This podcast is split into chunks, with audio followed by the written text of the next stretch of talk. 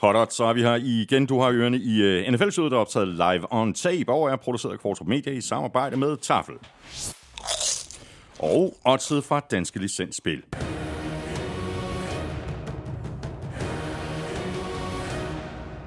Husk, at man skal være minimum 18 år og spille med omtanke. Har du brug for hjælp til spilafhængighed, så kontakt Spillemyndighedens hjælpelinje Stop Spillet eller udluk dig via Rufus. Regler og vilkår gælder. Og så har vi også øh, BookBeat øh, med os igen, og fuldstændig ligesom i sidste uge, så betyder det altså, at øh, du får endnu en chance for at få adgang til over 700.000 titler, både lydbøger og e-bøger, fuldstændig gratis i to måneder, og det kan du altså få, hvis du signer op på bookbeat.dk-nfl. Mere om det øh, tilbud øh, senere her i udsendelsen, der jo i dag primært handler om de to konferencefinaler, så skal vi selvfølgelig også have trukket lod om endnu en kæmpe kasse med taffelchips, når vi øh, når frem til ugen spiller sådan nogenlunde midtvejs i udsendelsen.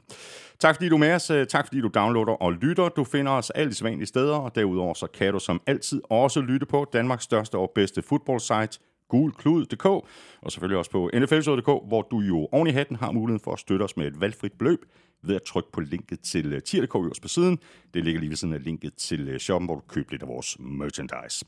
Jeg hedder Thomas Kvartrup, og her kommer min medvært. Jeg kan lige så godt sige det sådan der. Det var alligevel øh, modigt, og øh, hvad skal vi sige, det vil garanteret være hårdt for dig. Øh, det var en anden fight song, jeg havde sat sig på at spille. Ja, det kan lige, men du kunne, da bare have valgt, kunne du ikke bare have valgt Chiefs fight Jamen, den spillede jeg sidste uge. Åh oh, ja, okay. Ja, så, så det skulle være den her? Ja, vi lige skal få det overstået. Ikke? Jamen, så skru op.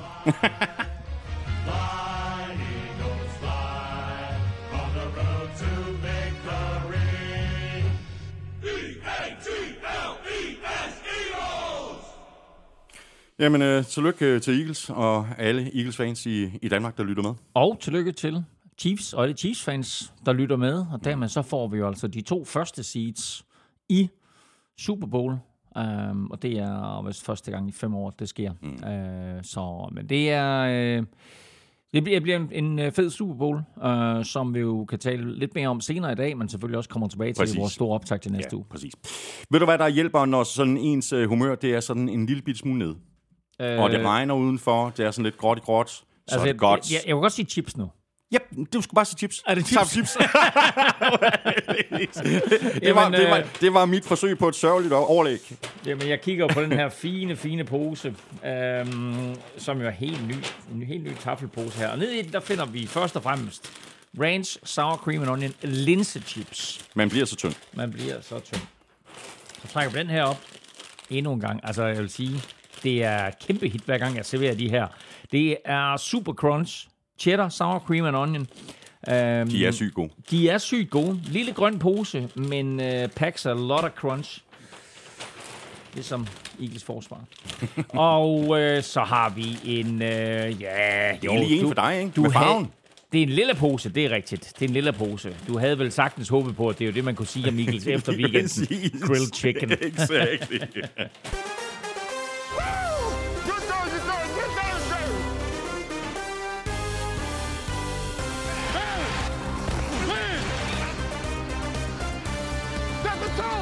Så er vi klar til Super Bowl 57, og den kommer altså til at stå mellem Chiefs og Eagles, efter de vandt over henholdsvis Bengals og 49ers i de to konferencefinaler.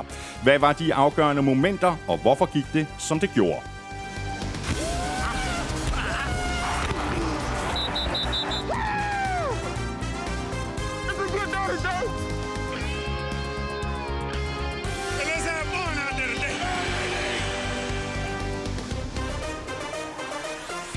Jagten på den næste head coach er stadig i gang for fire klubber, men Panthers har fået deres på plads. Og hvad kommer det til at betyde, at Nathaniel Hackett nu er blevet offensiv koordinator i Jets? Følger Aaron Rodgers med? Vi kommer med et bud. Jeg hedder Thomas Kvartrup, og med mig har jeg Claus Elming.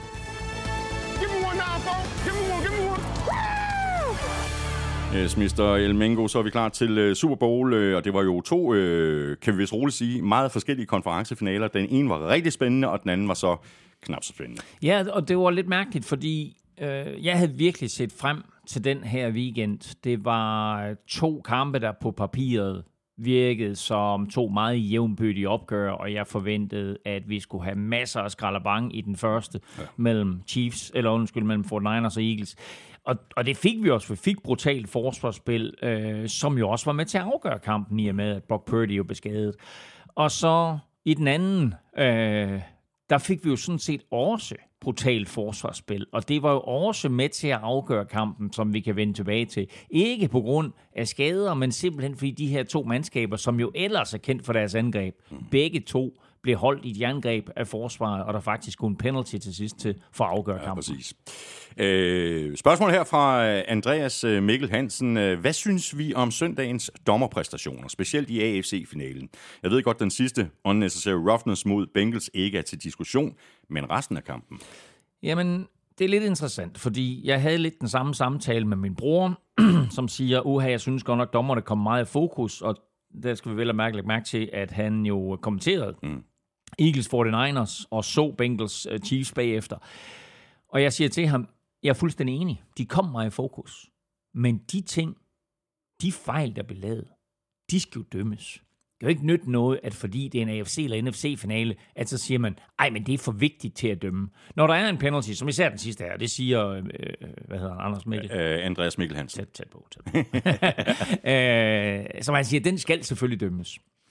Um, jeg har også lyttet til amerikanske podcast. Jeg har læst amerikanske artikler om det her, hvor der er for og imod, hvad, hvad, hvad, hvad skal man? Skal man også ændre lidt på reglerne? Skal man, skal man sige, at en, en roughing the passer, øh, eller en unnecessary roughness, ligesom med en face mask, kan være 5 eller 15? Jeg tror faktisk ikke engang, face mask kan være 5 eller 15 længere. Ikke? Øh, det var 5 eller 15 tidligere, nu er det kun 15. Ja. Men du har en roughing eller running into the kicker. Kunne man lave lidt det samme med en quarterback? Øh, der er nogle straffe der, som man kan sige, måske er for voldsomme i forhold til, at banen trods alt kun, altså lad os sige, de starter fra, fra 25 yard linjen ikke? Altså sådan en 15 yard straf, det er en, det er en femtedel. The human calculator slår til igen. Af banen, ikke? Altså, så, så det er sådan, altså... Det, jeg har ingen problem med den linje, der er belagt i nogle af de to kampe. Uh, de ting, der, der er, de skal dømmes. Og man kan sige, at der er en ting, som man måske kan gøre anderledes, og det er, at når vi når til det her punkt, øh, og det er slutspillet, og det er FC-finaler, NFC-finaler og Super Bowl, så er det jo ligesom, at det er mandskabene, der spiller sig til at være på banen. Så har dommerne jo kvad deres præstationer i løbet af året også kvalificeret sig til at være på banen. Og det vil sige, at de syv dommere, der står på banen her, det er ikke syv dommere, der normalt dømmer sammen. Det er syv dommere, der er udvalgt, og så har øh, manden med den hvide hat ligesom lederrollen, og så siger han til de andre, her er den linje, vi lægger, det er det her, vi gerne vil, og så videre. Og så er der nogen, der skyder de her dommer lidt i skoene, at de smider flagene for at vise, at hey, jeg er pisse dygtig, jeg så den fejl der. Øhm, og det er den eneste ting, hvor man ligesom kan påpege, er der måske et incitament for lidt, nogle af dommerne til måske lige at sætte sig selv lidt for meget i fokus. Men jeg synes, at de ting, vi så, og dommernes skarphed. Der er et par pass interference, hvor, hvor man tænker, wow, et fedt play, ikke? og så har de mm. set, nej, der er sgu pass interference. Der var en på AJ Brown, og der var en på Hayden Hurst, og så videre. Ikke? Øh, hvor jeg bare tænker, wow, ikke? altså for Niners, der er tæt på at lave en interception. Jeg tror faktisk, at, at Chiefs lavede en interception, som bliver omstødt. Ikke? Altså, så, så, og, og der er dommerne bare meget skarpe. Så de ting, der er der, skal dømmes, og det synes jeg faktisk var linjen, og jeg synes, at det var en fin linje. Vi kommer øh, til at tale mere om øh, Super Bowl matchuppet mellem øh, Eagles og Chiefs øh, senere her i udsendelsen, som du også allerede har øh, teaset for, øh, Elming, og vi laver jo også vores øh, store optagsudsendelse i næste uge, øh, hvor vi går meget mere i, i detaljer. Bare sådan helt overordnet, mm. sådan i overskriftsform. Mm. Hvad glæder du dig så allermest til i Super Bowl 57? Åh, oh, øh, den synes jeg er svær. Øh, jeg synes faktisk, der er mange fede storylines, i den her kamp. Um, og så tror jeg, at jeg glæder mig til at se om de her to angreb, som er bygget op på vidt forskellige måder, om de faktisk er i stand til at flytte bolden, og vi får en højt scorende affære, mm. eller det bliver, ligesom vi så i konferencefinalerne, at de her forsvar faktisk i en tid, hvor vi taler om, at det er quarterback-baseret spil, at det er kastebaseret spil, at vi har set en sæson nu her, hvor øh, antallet af point er gået ned gennemsnitligt øh, hen over ligaen i alle kampe, alle spillerunder, inklusiv slutspillet. Øhm, og forsvar faktisk har spillet på et højere niveau på tværs af ligaen, end vi har set i mange, mange år, om det også bliver tilfældet i Super Bowl. Mm. Så kan vi lige uh, tage en uh, tur på de uh, seneste trænerhyringer, og der var jo altså fem hold, der var på jagt efter en ny head coach. Nu er vi nede på fire, efter at Frank Reich han er blevet hyret af Panthers, og det er jo sådan lidt af et homecoming party. Ja, og hvorfor er det det? Ja, det var jo Frank Reich, der var den første quarterback for Panthers. Og jeg overvejer nemlig, om det skulle være quizzen til dig. Det kunne det godt have været. Det havde ja. været dejligt. Hvem, fordi øh, jamen, jeg var i gang med at, sådan, at, du ved, at lave sådan en større oplæg, sådan lidt, lidt forvirring omkring sådan, du ved, Ja, det plejer du at være god til. Mark, Mark Brunell kastede det første touchdown for, for Jacksonville Jaguars, der, var, der er nytilkommer, og David Carr kastede det første touchdown for Houston Texans, der er nytilkommer. Men hvem kastede det første touchdown for Carolina Panthers? Jamen, det gjorde Frank Reich. Exakt. Og nu er Frank Reich simpelthen blevet head coach for selv samme Carolina Panthers. Så han var jo ikke arbejdsløs længe, blev fyret midt i sæsonen af Indianapolis Colts, og øh, er altså nu blevet head coach for øh, Carolina Panthers. Og det er lidt interessant, og gør jo så også, at Steve Wilkes, som har overtaget øh, værvet her, mens Matt Rule, han, eller efter Matt Rule blev fyret, mm at han jo øh, står sådan lidt og siger, okay, hvad nu? Fordi han var jo helt sikkert i spil til at fortsætte værvet, for han har gjort det så godt, og var tæt på at føre Panthers i slutspillet. Øh, Fortsætter han nu som defensive coordinator? Eller er han pludselig i puljen ja. til at blive head coach et af de andre fire steder? Eller skal han være defensive coordinator øh, et af de andre fire steder, eller en af de klubber, der mangler en defensive coordinator? Så det er lidt interessant også at se, hvad der sker med ham. Og øh, det er også interessant at se, hvad der sker med øh, Sean Payton. Øh, spørgsmålet er, om øh, Saints øh, kræver for meget for ham, eller om der simpelthen ikke er den rigtige åbning for ham.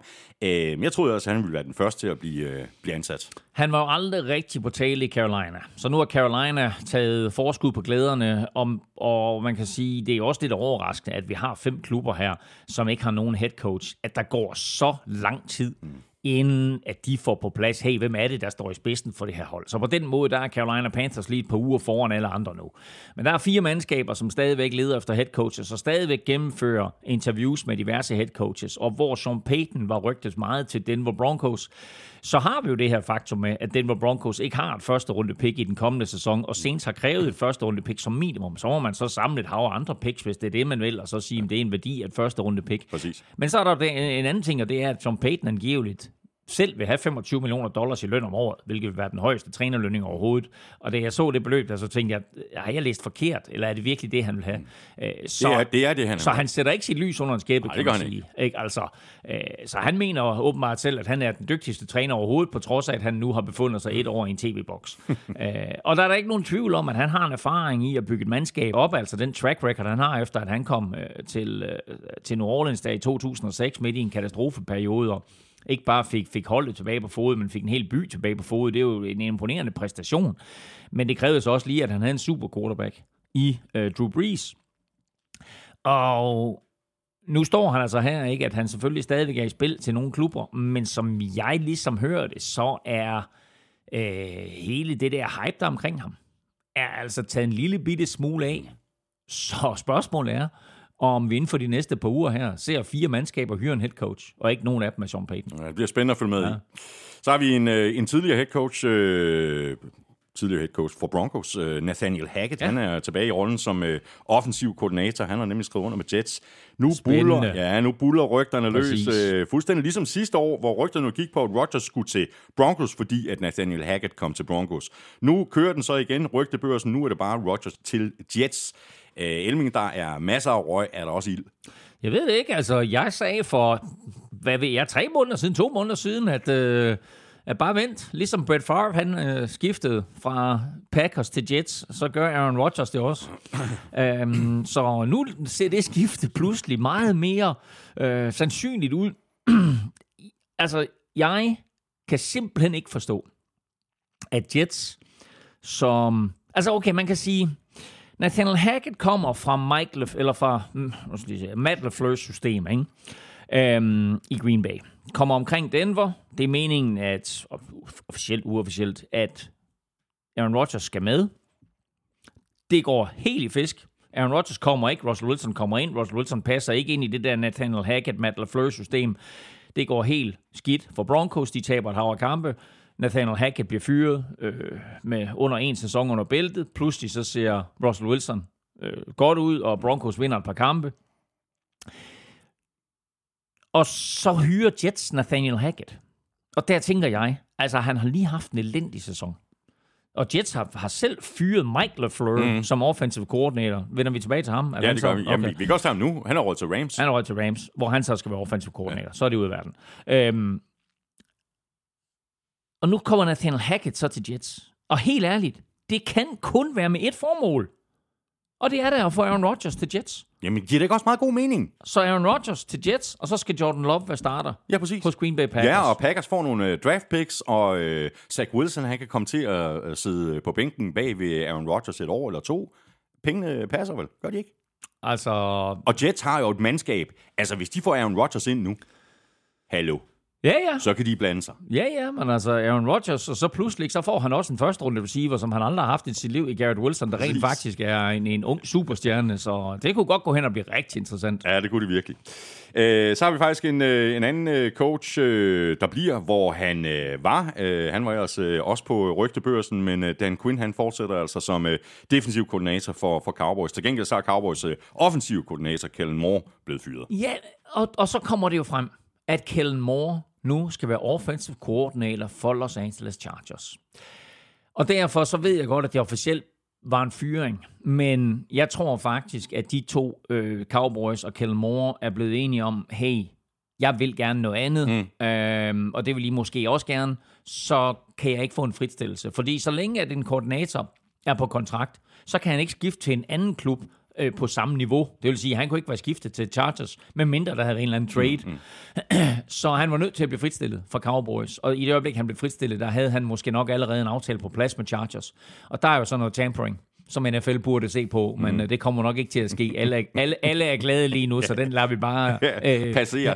stille og roligt øh, sejle ned af, af Stillehavet der. Whatever. Øh, men, øh, men han, han skal være offensive coordinator. Øh, og det er jo altså super, super spændende, fordi han er ikke nogen dum offensive coordinator, og Justin Herbert med ham øh, som, øh, som, som guru og hjælper, og måske endda også lidt quarterbacks coach, han har selv været quarterback mm. i NFL, øh, kan altså godt gå hen og, og blive en, en, en rigtig god kombination. Ja. Så kan vi lige øh, runde den her del af med at øh, notere nogle navne, der er i spil til at øh, kunne blive øh, MVP, og der er også alle mulige andre awards, der bliver uddelt ved det her store awardshow. Øh, NFL Honors, der bliver afviklet, hvad er det, tre dage før øh, Super Bowl.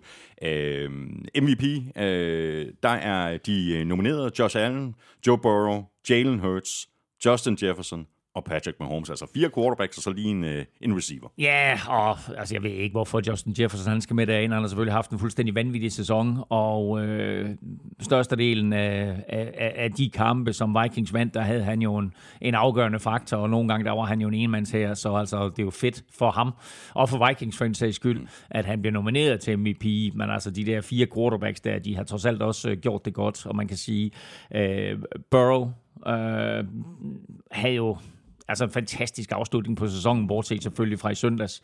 Øh, Patrick Mahomes har været fantastisk hele vejen igennem. Josh Allen har haft, haft sine op- og nedture, Ja. og Jalen Hurts øh, missede et par kampe der undervejs, som gør, at, at han nok er ude af, af ræset, så det bliver med stor sandsynlighed øh, Patrick Mahomes. Men det er de fem, der kæmper om øh, at blive MVP, og så blev alle de andre nomineringer jo også øh, offentliggjort. Og der, der er det, det hus hu, men der er faktisk også nogle spillere, skråstrej trænere, som er blevet udladt. Ja. Og- De, er- det, det er, og jeg kan fortælle snobs, ikke? Han kan betale lidt snobs, ikke? Altså ikke som snopper, men som er blevet snydt. Ja. Og øh, bare lige Defensive Player of the Year, ikke? Altså de tre nominerede, Nick Bosa, Chris Jones og Michael Parsons. Øh, Bare lige med en NFC-finalen i mente, og bare lige med hele hans år i mente, og bare lige med, øh, med, med, med Philadelphia's 70-6 øh, i mente. Mm. Hvor er Hassan Reddick? Ja. Ikke? Ja. Nu Øh, tæller slutspillet jo ikke med i de her nomineringer. det gør det nemlig ikke, og det gør afgørelsen jo heller ikke. Mm. Øh, så afgørelsen, altså det kan godt være, at NFL har offentliggjort alle de her nomineringer, men de ved allerede, hvem der har vundet. Øh, fordi det er kun ud fra grundspillet, og afstemningen er også foretaget, så de... Øh, 50 øh, skribenter på tværs af USA, som skal afgøre, hvem der vinder det her, de har allerede afgivet deres stemmer. Uh, og så vil jeg bare lige nævne uh, Coach of the Year, altså årets mm. cheftræner. Der er de fem nominerede, Brian Dable, Sean McDermott, Doug Peterson, Carl Shanahan og Nick Sirianni. Ja. Og øh, der kigger jeg bare lige på, at jeg synes, at der mangler en Detroit Lions-træner, der er kendt for at byde knæskaller. Ja, fuldstændig, ja, fuldstændig enig. Ja. Der kan vi tale om en snub, ikke? Præcis. Godt, og øh, alle de her nomineringer øh, for altså Defensive Rookie of the Year, Offensive Rookie of the Year, Comeback Player of the Year osv., osv., osv., det er alt sammen øh, samlet inde på øh, gultud.dk. Øh, vi skal have quizzen! Åh. Oh. Det er tid til quiz, quiz, quiz, quiz, quiz. Nå, Elming. Ja, Thomas. Har du noget øh, spændende til mig? Jamen, jeg, har, jeg- jeg, kan lige så godt sige med det samme. Jeg har, jeg har et nemt quizspørgsmål Ja, det har du sagt før. Øhm, Jeg har et øh, spørgsmål til dig, som man kan sige øh, også er nemt, hvis du kender svaret.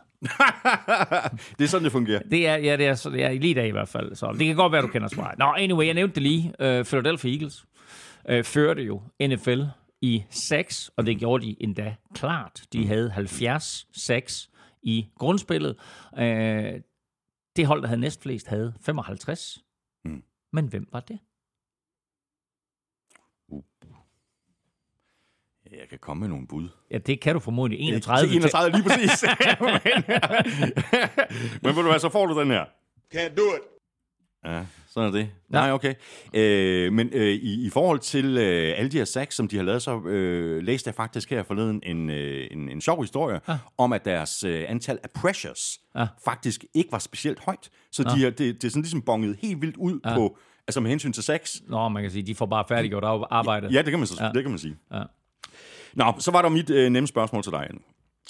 Travis Kelsey, han greb øh, syv bolde for 78 yards og touchdown i kampen mod Bengals i søndags. Dermed er Kelsey nu nummer to på listen over spillere med flest receiving yards i slutspillet, altså all time. Mm. Hvilken spiller har han lige overhalet, og hvem ligger nummer et på listen? Okay, så lige her, hva- altså hvad var det? Var det yards? Ja, receiving yards. Han Okay. ligger nummer to. Han Ja. har lige overhalet Ja. en anden spiller. Ja.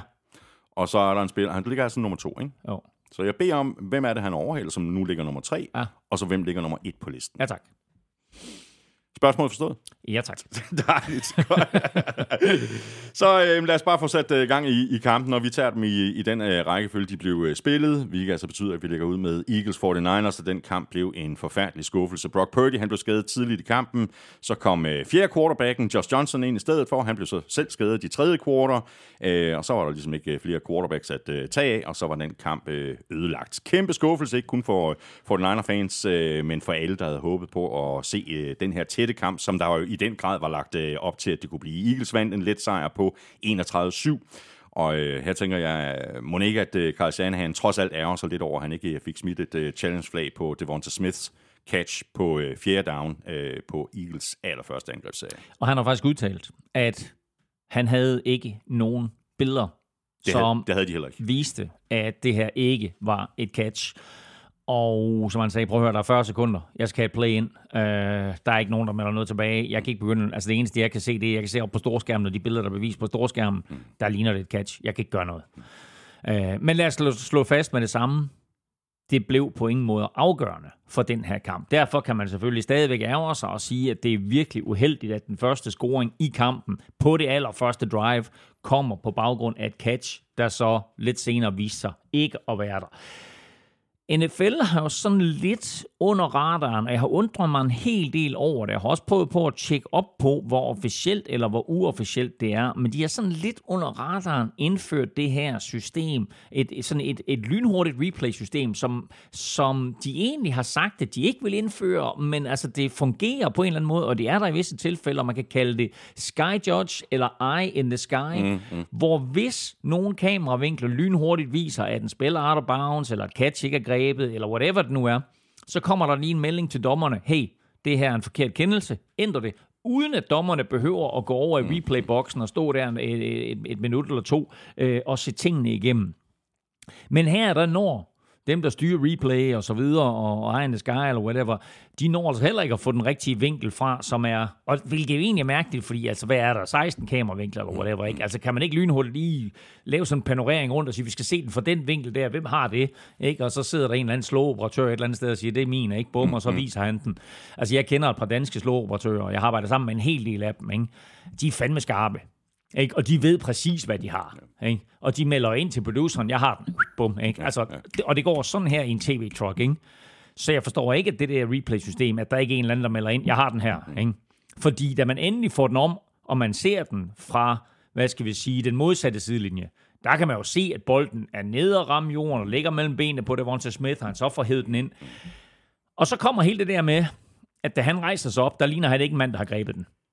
Nej, og, og, og, som og ligesom samtidig, siger, og, og, og og det er lige samtidig så præcis... skynder han. Exactly. Samtidig så skynder han på, på Jalen Hurts og company. Lad os så bare lige få, få snappet bolden og få øh, fortsat den her angrebsserie i en fart. Ja. Og det er så det, øh, man kan sige, ja, Shanahan og company, og hvem der nu øh, sidder oppe i boksen, I burde måske øh, øh, lære at aflæse kropssprog øh, lidt bedre, fordi jeg synes, det var meget klart, at han signalerede, at han havde Ja, den jo, bold. men altså, du ved, det, altså, så vil jeg sige, at han nu grebet den, og så havde signaleret det der, og Kyle Shanahan, han så smider den røde klod i det men så hurtigt, det er så en brand, ja, så en brand, en challenge i, i begyndelsen, På, på, på, i på, begyndelsen af første halvleg. Ah, ja, det, det, det, siger, det siger du nu. Ikke? Jo, jo. Nå, ej, det siger du nu. Hvis, hvis det var blevet sket, han var blevet ristet på sagte ild i samtlige medier, hvis nu at den havde været der, og han så havde brændt en, øh, en timeout og en challenge der. Øhm, så kan man så sige, at det er fair, det der, der sker. Det er en del af spillet, at Eagles løber op og får snappet bolden hurtigt, fordi så snart det næste spil er sat i gang, så kan et, et foregående spil ikke ses igennem Det længere. er jo reglerne. Sådan er reglerne, men det er pisse unfair, og det er sådan noget, du ved, at i en sport som det her, ikke altså, der synes jeg, det er en lille bitte smule mærkeligt, at man kan få et play på 29 yards foræret ved at skynde sig op og snappe bolden. Ja. Men det er reglerne, ikke? Jo, jo, det er reglerne. Der er blevet øh, talt øh, meget om, øh, at øh, nærmest alle og enhver kan træde direkte ind i, øh, i Shanahans øh, system og, og, og spille quarterback. Jeg øh, synes lidt, øh, det er at underkende det, som Brock Purdy han har præsteret, siden han blev starter. Altså, Josh Johnson øh, kommer ind, øh, øh, gør det jo sådan set øh, fint, fomten i slutningen af, af første halvleg, endte som at blive dyr. Den endte med at, øh, at, at blive rigtig dyr, det er klart. Øh, altså, der står det 14-7, og den fumble fører omgående til øh, et Eagles touchdown, som så gør det til 21-7. Og øh, det skulle vise sig at, at, at være afgørende, en afgørende føring. Øh, også taget betragtning, at han så udgik senere, da han blev ramt og fik en hjernerystelse, øh, efter at Purdy jo allerede var udgået. Øh, men Josh Johnson havde det svært. Han blev ramt igen og igen, øh, og det samme gjorde Purdy jo. Purdy havde det også utrolig svært, og det skal man bare lige, altså alle de her 49ers fans og alle, som siger, ej, hvor var det ærgerligt, at det ikke blev en spændende kamp, og det blev en helt anden kamp med Purdy. Det var det måske nok, men man skal bare passe på, at man ikke siger, at det var blevet øh, en tæt kamp, og 49ers helt sikkert måske havde vundet, og øh, det er en ærgerlig måde at tage på, osv. osv. Den måde, som, som Philadelphia Eagles forsvar åbnede den her kamp på, den måde, de ramte Purdy på, den måde, de ramte Josh Johnson på, den måde, som de fuldstændig trumlede 49ers offensiv linje, Enig. det var jeg meget overrasket over. Jeg vil så sige, Det minder mig faktisk lidt, Elming, undskyld, Ja, ja, ja, ja, det minder mig faktisk lidt om, øh, om øh, 49ers kamp mod, mod Cowboys, hvor Purdy også så sådan en lille bitte smule shaky ud mm. i første øh, quarter. Øh, så blev det bedre i anden quarter, og meget bedre i tredje og fjerde quarter. Korrekt. Der kan man så ligesom sige, okay, det fik vi så aldrig svaret på, om mm. han sådan ligesom, Nej, nej, rigtigt. øh, om han øh, Nej. fandt tilbage i, i en sådan mere, mere rolig rolle. Nej, men jeg har bare lagt mærke til utrolig mange øh, 49ers-fans, både i Danmark og i USA, som, øh, som øh, så- og, og med rette ærger sig. Med rette ærger sig over, og, og det kan vi andre også gøre, fordi det her blev ikke nogen særlig god kamp. Nej, det var ikke Men- optimalt. at vi kan alle sammen ærge os over, at, at, at vi ikke fik den bedste quarterback, som 49ers nu havde til rådighed. Man kan så sige, det er 49ers øh, egen fejl, fordi altså, de kunne bare have fem quarterbacks på holdet. Ikke? Altså, det, ja, det havde været en god idé. det har de eller seks eller syv, øh, fordi de havde behov for ekstra quarterbacks. Uanset hvem, der havde stået derinde ja, ja. i den kamp, så havde de fået pryl. Og nu har vi rost Kyle Shanahans system. Og det er også et fantastisk system, og du kan sætte øh, masser af forskellige quarterbacks derind, og det har vi jo set bare i år, så tre forskellige typer af quarterbacks er det jo principielt, at han bruger. Øh, og alle, ah, Trey Lance nåede ikke rigtig at have succes, men Jimmy Garoppolo havde trods alt succes, og Brock Purdy havde succes. Men systemet er en ting. En anden, det er, når man spiller mod en fyr som Hassan Reddick, og man forsøger at blokere ham med en tight end. Fordi jeg ved ikke, om du har lagt mærke til det, at på øh, hans første sack, Hassan Reddick, der har din tight end til at stå over, altså direkte stå over for Hassan Reddick. Han tager ham, fjerner ham og knuser quarterbacken. På det andet sack, han laver Hassan Reddick, der øh, prøver for Niners at lave det, der hedder en wham block, at en tight end kommer fra modsatte side og skal lave sådan en kick-out block. Hassan Reddick, han griner nærmest. Løber udenom ham. Og det er der, at han kommer ind og rammer Purdy på albuen, så bolden popper op i luften. Øh, og Eagles jo klogt samler den op, fordi det godt nok ikke, de, de tror, de får en interception, det gør de ikke, den rammer jorden, men heldigvis er Lindwell Joseph, så samler han bolden op, og så har de bolden. Ja, fordi det er en fumble. Det er en fumble.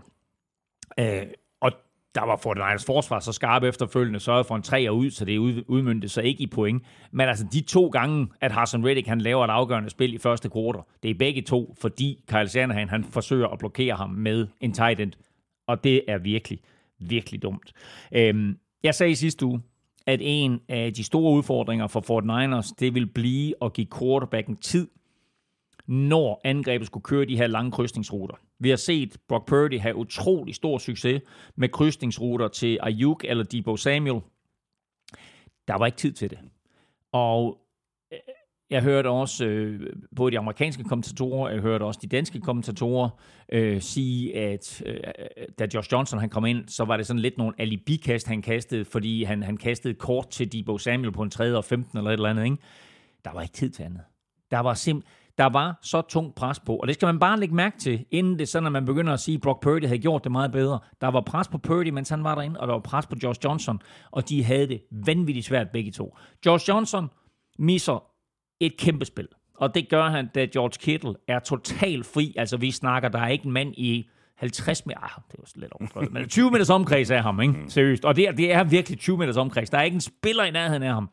Men det er jo lige præcis noget af og, det, som fungerer øh, i, i Shanahans ja, ja, offense, men, når, når det fungerer. Ikke? Præcis.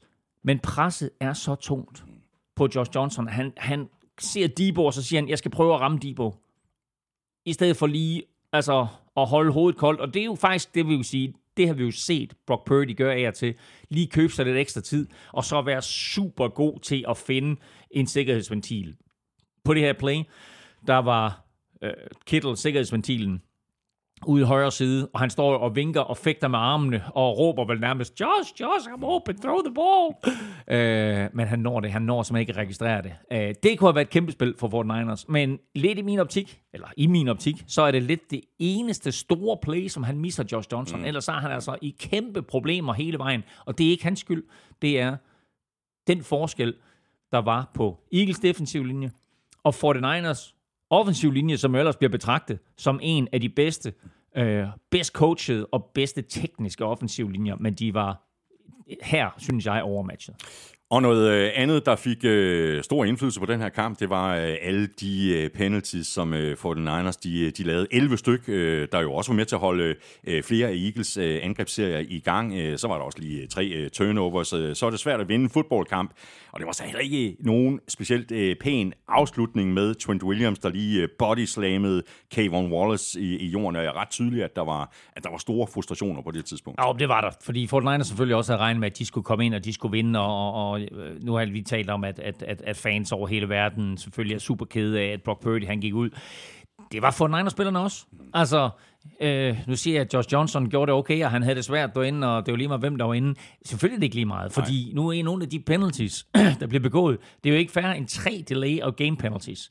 Øh, kan jeg ikke huske, om det alle tre er på Josh Johnson, eller faktisk er en på Brock Purdy, men tilskuerne larmede jo en fanalsk. Og det betød jo, at det, sådan, at det var svært både at nå at få, få, få plædet leveret i hotlen, og nå at få snappet bolden, så alle hørte det.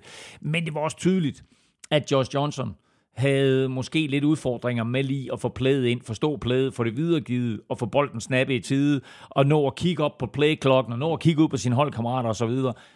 Der er bare forskel på, selvom, prøv at høre, Josh Johnson, 15 års erfaring ja, det var jo ham, der skulle være, altså, det var ham, der skulle være veteranen ja. og den uh, rutinerede spiller, ja. ikke? Og hvad var, altså, han, han hvad var det, Jesper han sagde? sagde meget store øjne. Sagde, Jesper 15 forskellige hold, han har spillet for, ja, eller, eller noget i den ja, retning, ja. ikke? Altså, tre, tre gange har han spillet for Fort Niners, altså af tre forskellige mm. ombæringer. Det her, det var så første gang, han kom ind. Uh, så uh, en hård situation for ham selvfølgelig at komme ind i, og, og, og, og du ved, så er det ikke længere træningsfaciliteternes trygge omgivelser. Nu er det altså uh, Philadelphia og The Link, du står på med rabiate fans.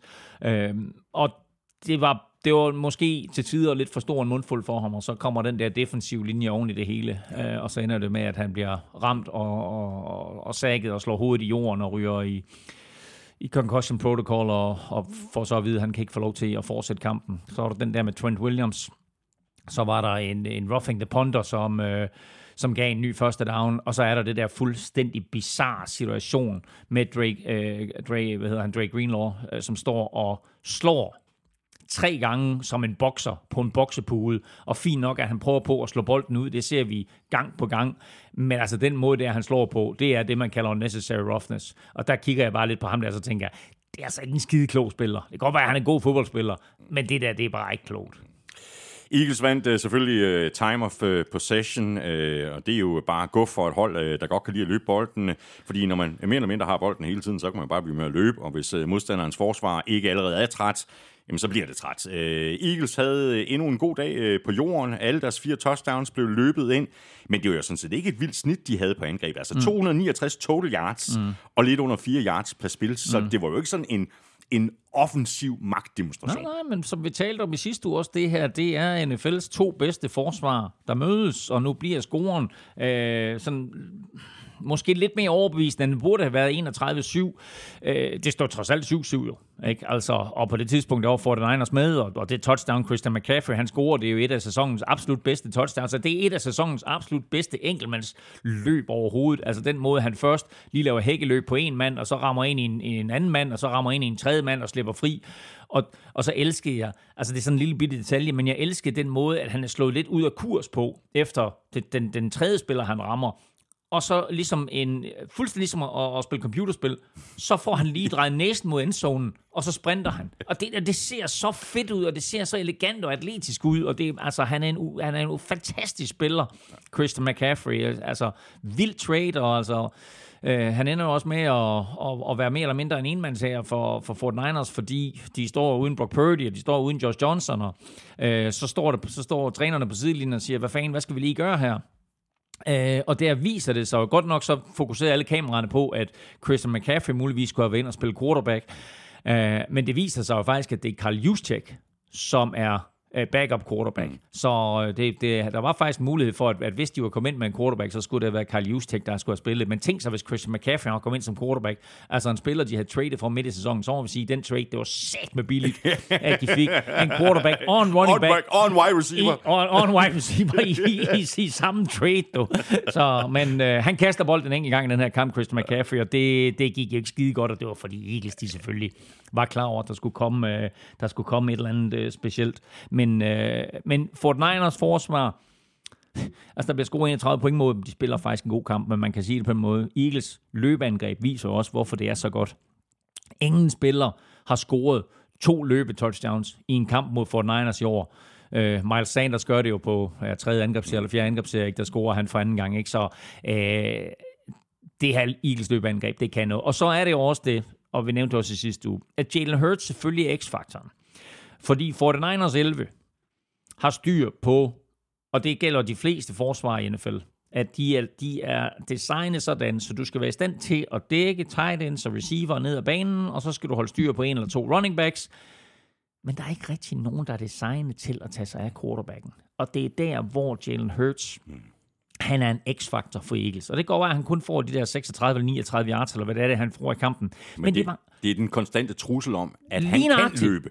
Det er truslen, og så er det de få gange, hvor han lige laver et stort løb, og det kan godt være, at det kun lige er 3 eller 4 yards og så videre. Ikke? Øhm, men det er jo ofte, så er det Øh, vi har nogle, nogle situationer, hvor han løber ud af pres. Han løber simpelthen ud af et sack og får kastet bolden væk. Det er jo på en eller anden måde også positiv yards. Det er også øh, kastespil, som går i kluder, hvor han lige selv får løbet for tre yards. Ikke? Altså det svarer til en tre yard completion. Ikke? Øh, så det er hele tiden små bitte plays, som gør ham til en x-faktor. Og det endte det også med at være øh, i den her kamp. Så jeg vil egentlig, jeg vil egentlig rose for Niners forsvar at sige, at langt hen ad vejen, der spillede de en virkelig solid kamp. Men, som du pointerede lige før, de der penalties, de bedyrer. Ja. Nu kommer vi øh, til at tale meget mere om uh, Super Bowl-matchuppet mellem uh, Eagles og Chiefs i næste uge, når vi laver vores optagsudsendelse. Umiddelbart så var der jo ikke behov for uh, i den her kamp, at Jalen Hurts skulle kaste ret meget. Uh, det bliver vel nødvendigt om to uger, gør det ikke? Jamen, det ved jeg ikke. Gør det det? Altså, den måde, de løber bolden på, ikke? Altså, okay, han, han er 15 for 25 her, og det er vel at mærke, når han slipper bolden. Fordi som jeg lige sagde, der er en, i hvert fald en 3-4 gange, hvor han øh, løber... Altså man kan sige, okay, ud af de 10 kast, han misser, der er der i hvert fald tre, hvis ikke fire, hvor han kaster bolden væk. Ikke? Man kan sige på en eller anden måde, det er seks, han undgår. Ja. Øh, derudover, så er der jo tre gange, hvor han løber bolden, eller fire måske, hvor han løber bolden i kastesituationer, lad, hvor, lad os sige, at han får 10-12 yards på dem. Øh, de tæller ikke som kast. De står jo ikke som completions, men det er jo completions til sig selv i gåsøjne. Øh, så på en eller anden måde, så er hans kastestatistik, øh, når man ser det der 15 for 25 for 121 yards, det er jo ligegyldigt. Altså, du ved, man tænker, nå, hvad er det? Altså, øh, startede de Justin Smith? Eller hvad skete der ikke? Altså, øh, så, altså, øh, han er en anderledes type af quarterback, og det han bringer præcis, som du sagde med truslen, er utrolig vigtigt øh, for succesen af det her øh, Eagles angreb. Øh, du kan gøre hans statistikker endnu værre ved at tage den der 29 yarder til Devontae Smith ud af det hele, ikke? som principielt er incomplete. Ikke? Hvis du tager den væk, så har han 94 yards completions på 14 kast. Så altså, det er ikke imponerende quarterback-statistik. Men til gengæld så løber Eagles for 150 yards samlet, ikke? og scorer fire touchdowns på jorden, inklusive at han løber en selv, som så er hans 15. i år, hvilket er flest nogensinde af en quarterback. Altså, det er ikke Michael Vick, det er ikke Brandon Cunningham, det er ikke uh, Steve McNair, det er Jalen Hurts nu øh, som, som har rekorden. Så øh, det, øh, jeg er ikke sikker på, at de behøver. Altså, det er klart, at de skal ud og teste Chiefs forsvar. Mm. Men altså, jeg kunne også godt forestille mig, at det bliver et... Øh, nu talte jeg om, hvad jeg glæder mig mest til, ikke? Altså, om, om, om de her to forsvar, Chiefs og Eagles, som de kan dæmme op for de to angreb. Og kan de det, eller kan de ikke det, så kan vi få en Super Bowl, hvor vi ser med Holmes kast, for 300 yards, og vi ser Eagles løb for 300 yards. ja, præcis. nu er det selvfølgelig sådan et, et lidt øh, tyndt øh, grundlag at, at bedømme Eagles forsvar på, altså når de dybest set spillede øh, mod et hold uden en quarterback i, i næsten en hel uh, halvleg. Men alligevel, uh, forsvaret skal vel også have credit uh, for, for den her sejr. Uh, selvfølgelig ikke mindst uh, Hassan Reddick, uh, der spillede jo en vanvittig kamp, men de har jo spillet godt hele året, og her undgik de også øh, du ved, at begå fejl, skyde mm. sig selv i, i, i foden, fordi det var jo noget, der kunne have åbnet døren på klem for 49ers i sådan en kamp her. Ja, og, og, og derfor så, så var det på en eller anden måde bare en, en, en stensikker sejr fra det øjeblik, de, altså næsten fra det øjeblik, de kommer foran 14-7. Der er en enkelt situation, jeg gerne vil fremhæve, og det er, at lige umiddelbart efter, at McCaffrey han har scoret til 7-7, der står Eagles med en fjerde down og en på egen 30-linje. På egen 30-linje. Og Nick Sirianni, han har coronas på størrelse med den Philly cheesesteak, jeg serverede i søndags. Og han siger, vi går efter den. Og så lader de Hertz sneak den. Mm. Og altså Hertz, han har lår som beton, øh, eller som telefonspæle, og øh, altså der er noget med, at han squatter 450 pund, altså sådan 220 kilo eller et eller andet, ikke? Øhm, og øh, når han sneaker, så er han næsten ustoppelig og der vælger de på egen banehalvdel i NFC-finalen at gå efter den på fjerde down og en. Og de får den selvfølgelig. Og så kører de ned ad banen, hvor de får hjælp på to eller tre gange af en 49ers-straf. Men det ender så med, at Miles Sanders han løber bolden i endzonen, og de bringer sig foran 14-7. Det drive, den fjerde down, den scoring, og de dumheder, som 49ers begik, det var med til at vinde den her kamp. Og jeg synes faktisk, at det drive, var klart vendepunktet i hele den her kamp. Enig. Øhm, så kommer Josh Johnson fumblen, de scorer til 21-7 inden pausen, og så er kampen uh, reelt set afgjort. Men, øh, og hvis den ikke er afgjort der, så er den det i hvert fald, da Josh Johnson han går ud med, præcis, med sine øh, Præcis, og det, er klart, og det er klart, at uh, 49ers reelt set ikke kan kaste bolden mere, da Purdy han kommer ind. Jeg ved ikke, om du har hørt, hvad Purdy han sagde til Kyle Shanahan. Altså Purdy, han er, jo, han er jo virkelig, virkelig så god en dreng, når man hører, omkring alt det, han gør, den måde, han agerer på, og, og det der med, at han havde været nede i supermarkedet, eller han blev spurgt til, om han kunne handle i supermarkedet, så han sagde, at ah, det tager lidt længere, end det gør normalt, men altså, du ved, han er bare så god en dreng, ikke? Og så har han åbenbart sagt til Shanahan på sidelinjen, øh, hvis jeg kommer ind, så kan jeg altså ikke kaste dybt, er det okay? altså, nu er det næsten sådan en undskyldning. Ja, præcis. Ikke? Og han sagde, han sagde også noget af det første, han sagde på sidelinjen, var, at han kunne simpelthen ikke holde fast om bolden. Nej, og, og, og, og det der er med det, det er, at han har, han har beskadiget, og det er ret alvorligt, han har beskadiget det indre ledbånd i albuen, hvilket betyder, altså ikke bare beskadiget, men det er revet over. Øh, og, og det betyder, at han skal opereres, og han er ude i minimum 6 måneder. Mm. Og det er jo en kæmpe katastrofe for 49ers, fordi det efterlader dem jo nu med Trey Lance, der er ude med en knæskade, og, og står for en genoptræning. I gåsøjne heldigt selvfølgelig, at det skete i september, så han måske er klar til september. Øh, Brock Purdy ude i seks måneder, det vil sige, Ja, at det er han... en meget stor del af hans offseason, der ryger, ikke? Præcis, ikke? Men det betyder også, at de på papiret stadigvæk har to uprøvede quarterbacks. Altså, de har fået, de har fået et sample på Brock Purdy, der hedder syv kampe, ikke? hvor han selvfølgelig har gjort det rigtig, rigtig godt. Men det er jo heller ikke fordi, det er sådan, at de har mødt top modstand øh, i de syv kampe. Okay, fint nok. Han vinder to slutspilskampe, det kan man ikke tage fra ham. Øh, og han så pisse godt ud, mens han gjorde det. Øh, men det skal bare åbne op for spekulationer. Hvad gør de nu med Jimmy, Jimmy Garoppolo? Altså, tør de lade ham gå, eller skal de have ham ind som, som øh, superreserven endnu en gang? Og det kan heller ikke undgå at åbne op for den der lille diskussion, der stadigvæk er. Hvad med Tom Brady? Altså, så, så det er sådan... Altså, Det er simpelthen en karusel, der bare fortsætter og fortsætter og fortsætter med alle de quarterbacks, der bliver Ja. skadet øh, under Kyle Shanahan. Ja, øh, så ja, ja, ja og, og, og, og det er sjovt, du siger det der med under Kyle Shanahan. Fordi jeg kan ikke lade være med at tænke på det, jeg på, på, pointerede lige før. Med de to gange Hassan Reddick han kommer ind, der forsøger Kyle Shanahan at Har det, noget, ham. har det noget med systemet at gøre? Altså, Ja, det er da systemet. hvem- Jamen, ja, lige præcis. Øh, hvem er den eneste quarterback, der nærmest ikke er blevet skadet? Det er Matt Ryan. Og Kirk Cousins. det er rigtigt. ja, så, øh, men, øh, men altså, prøv at høre. Øh, det her, øh, for lige at runde Eagles forsvar også. Altså, det, de, de, de, de, Hassan Reddick var fuldstændig fantastisk. Det var Jason Hargrave også. Chauncey Gardner-Johnson var vild, og der er så mange, der kan fremhæves her. Og det betød bare, at 49ers offensiv havde det virkelig svært.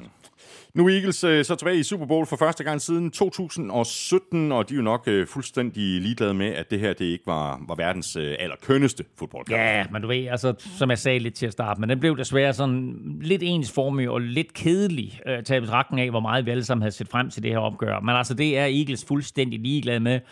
W is a W, så de vinder, og de står i Super Bowl, og det vigtigste for dem, det var, at de kom herfra uden skader. Altså, det er ofte sådan nogle lortekampe som det her, som er afgjort og så videre, hvor man så på en eller anden måde enten ikke, øh, enten ikke giver sig 100%, eller løber ind i en eller anden øh, freakskade, som, som det der, da Joey Bosa, han bliver ramt på sidelinjen af en spiller, der kommer flyvende. Øh, der kan du jo tale om dommerfejl. Øh, at den spiller, som en, altså en 49ers-spiller tager fat i en Eagles-spiller, kaster Eagles-spilleren ind i Nick Bosa, der bliver skadet, og så bliver Eagles-spilleren dømt for 15 yards straf. Ikke? Altså, det var sådan lidt, really? Altså, der kan du tale om en dommerfejl. Men, øh, men altså, de kommer derfra uden skader, og det tror jeg er det aller, aller vigtigste, Eagles, de kan tage med herfra, og så får Jalen Hurts lige øh, 14 dage til at, at, at få sin skulderskade 100% på plads. Præcis. Og vi kommer selvfølgelig til at tale øh, meget mere øh, Eagles, øh, også senere i den her udsendelse, og selvfølgelig i, øh, i næste uge i vores øh, optagsudsendelse. Bare lige for runde for den anden af. Øh, tre NFC-finaler på øh, fire år, plus en, en øh, tabt Super Bowl. Øh, der var garanteret rigtig mange hold, øh, der gerne vil have den succes, som det trods alt også er et udtryk for. Øh, nu begynder der sådan så småt at hænge den samme sky over Shanahans hoved, som der hang længe over Andy Reid, mm. at han ikke kan tage det sidste og det afgørende skridt. Altså, det var den sky, der forsvandt fra Andy Reid, da Chiefs vandt, Vandt over, for, ja. over 49ers, ikke? Og det er klart, at, at øh, det tog Reed. Det tog sat med Reed mange år. Tog dem 20 år mm. øh, som head coach og noget af den retning. Ikke? Så altså, der har Kyle Shanahan trods alt lidt tid at løbe på endnu. Ikke? Og, og man kan sige, Men snakken går allerede. Reed har altid været en utrolig populær figur, øh, og det føler jeg faktisk, selvom, selvom jeg her i, i showet jo også har svinet Kyle, eller ikke, jeg, har, jeg har ikke svinet Kyle Shanahan til, men jeg har viderebragt informationer om, at der er nogen, der ikke var helt øh, tilfreds med hans virke, så er det faktisk som om, at han øh, i år har fået rigtig, rigtig mange folk over på sin side, og at de tror på ham, og det er et stykke arbejde, han har gjort med 49ers i år. Også efter, prøv at høre, de var 3 og 3. Ikke? Altså, efter seks kampe, der var de 3 og 3. Øh, og så vinder de bare råber og stup derfra, indtil at de så løber ind i det her nederlag her. Så, så det, var, det var et anderledes år på mange måder for Kyle Shanahan, hvor han faktisk lavede et imponerende, flot stykke trænerarbejde, øh, og så ender det hele selvfølgelig på en lidt ærgerlig måde med, med to skadede quarterbacks i NFC-finalen. Øh, når jeg så den her NFC-finale, så er jeg bare glad for, at, at Vikings ikke kom så langt, og at vi ikke fik endnu en tur i den der Eagles-maskine der, for jeg synes, øh, det var voldsomt. Eagles er et, et, et vildt hold for Niners er gode, de har et godt system, de har en god trænerstab, de har nogle unge, vilde, øh, sjove spillere, øh, og så må vi se, hvad der sker på quarterback.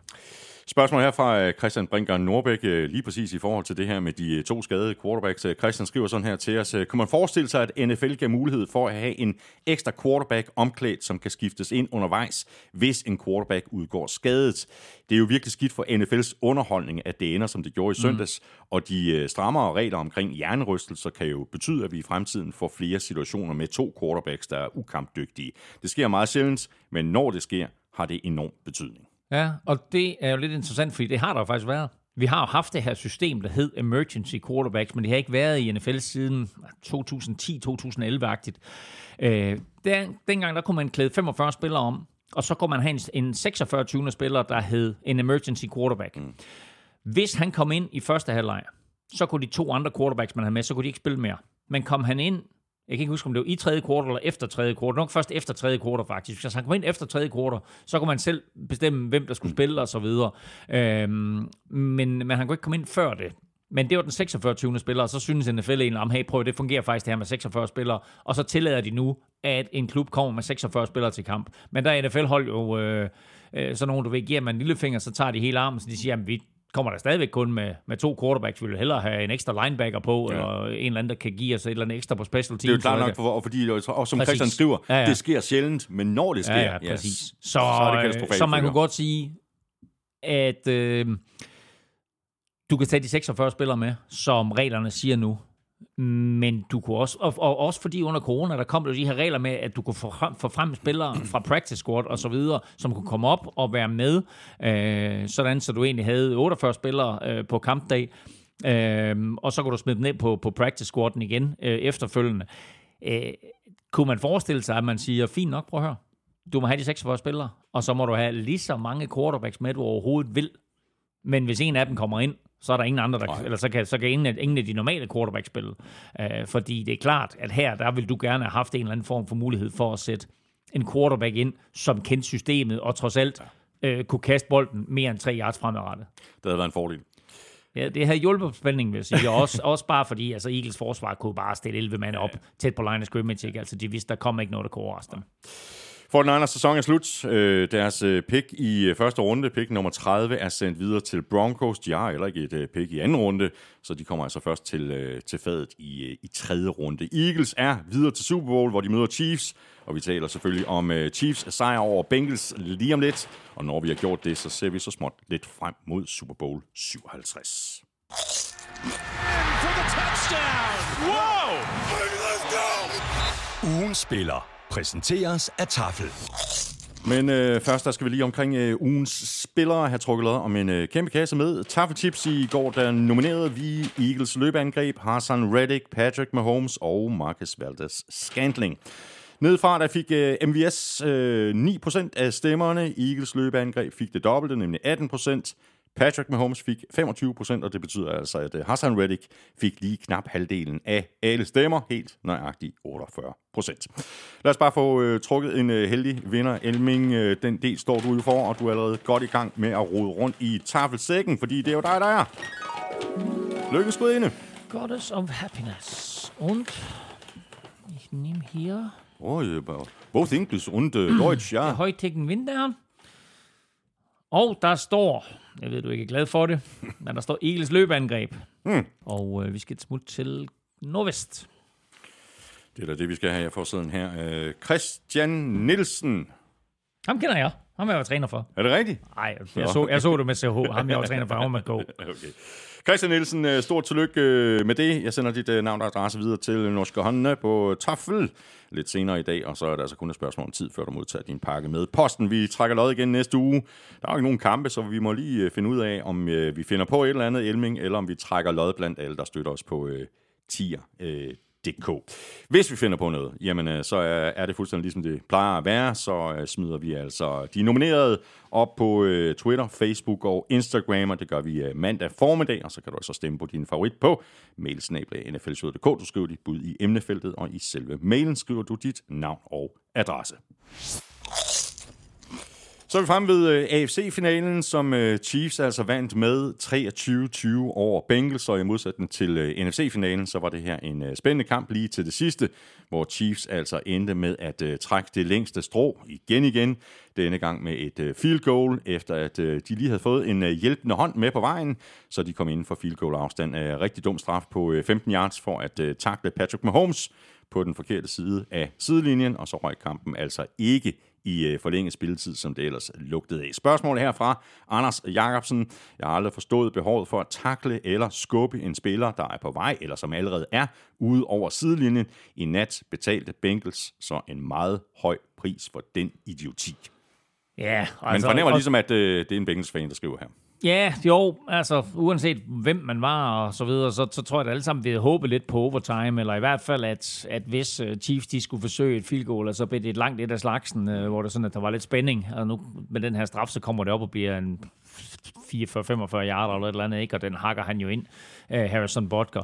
Ja. Og det er 15 gratis chance, de får, og, og det, jeg er fuldstændig enig, at det der med, hvad behovet er for at skubbe en spiller, der er out of bounds, at, at det, det forstår man ikke helt. Men man skal også bare lige huske på, at det her, det går så usandsynligt stærkt. Det er så dejligt nemt at sidde hjemme foran tv-skærmen og så sige, hvad fanden laver han? Og, og her er det måske nok berettiget, men når man står på sidelinjen, og det behøver ikke engang at være NFL. Det, jeg har også stået på sidelinjen øh, til danske kampe og vil sige, når man spiller, man har udstyr på, man har skulderbeskytter og hjelm på, så går spillet på en eller anden måde sådan lidt langsommere. Men når man så står dernede som tilskuer, eller for en sags skyld som, som reporter med en mikrofon i hånden eller et eller andet. Ikke? Altså hold kæft, hvor løber de stærkt, de her drenge, og hvor er de store, og hvor er de stærke, og hvor er de atletiske, og hvor er de smidige, og hvor skal tankeprocessen i det der være så utrolig hurtig.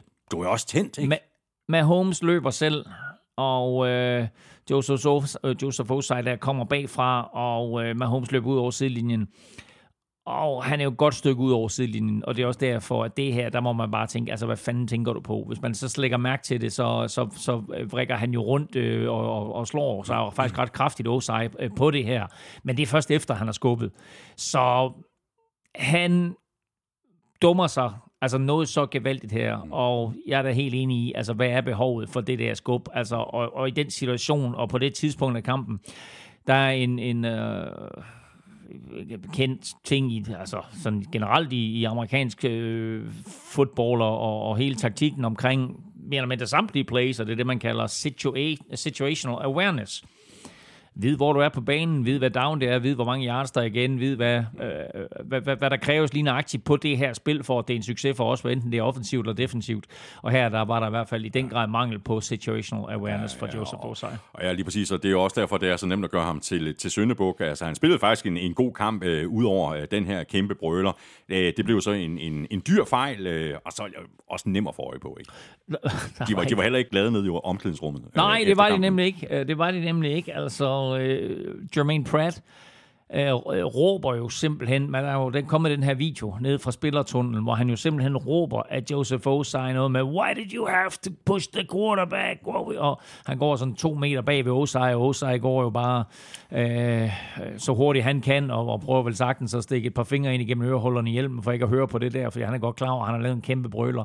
Men uh, head coach. Situational awareness. Situational awareness, men altså Zach Taylor var også god nok, og jeg tænkte faktisk præcis det samme, og, og er bare glad for, at, at øh, Zach Taylor han så også har sagt det offentligt, at nu skal vi ikke gøre den her kamp til et play. Mm. Det var en masse plays i den her kamp, både offensivt og defensivt, der var med til at afgøre den. Uh, altså, uh, Joe Burrow kaster en fuldstændig tåbelig interception, ikke? Altså, er det play, er det ikke lige så stort mm. som, uh, som det her uh, i, i, uh, på det tidspunkt af kampen, og der, hvor det foregår nej, og, og på den afgørende indflydelse, det får nej. Men altså, der er øh, 60-70 plays som minimum i en kamp, ikke? Og, og, og et play bliver ikke afgørende, men det her var selvfølgelig et, et, et kæmpe play. Men altså, Joseph Owens har spillet faktisk en fin kamp, og det gjorde hele Bengals forsvar også. De fik igen justeret efter pausen og holdt Chiefs til bare syv point i anden halvleg, inden de så altså forærer dem de der sidste tre point øh, til sidst. Så jeg synes, det her, det var en, øh, som jeg også sagde til at starte med, det var en, en overraskende, brutal kamp, hvor de her to forsvarer faktisk viste sig øh, at være i stand til at holde to eksplosive angreb ret godt i tjek. Det blev altså ikke til øh, fire sejre i træk til Bengals over Chiefs. Hvad var den øh, afgørende faktor, som du ser det, Elming? Altså, Bengals var bagud, kom tilbage i kampen. Mm. De havde jo chancen. Ja, altså, for det første vil jeg sige Chiefs forsvar. Altså, Joe Burrow har to chancer i fjerde kvartal for at vinde kampen.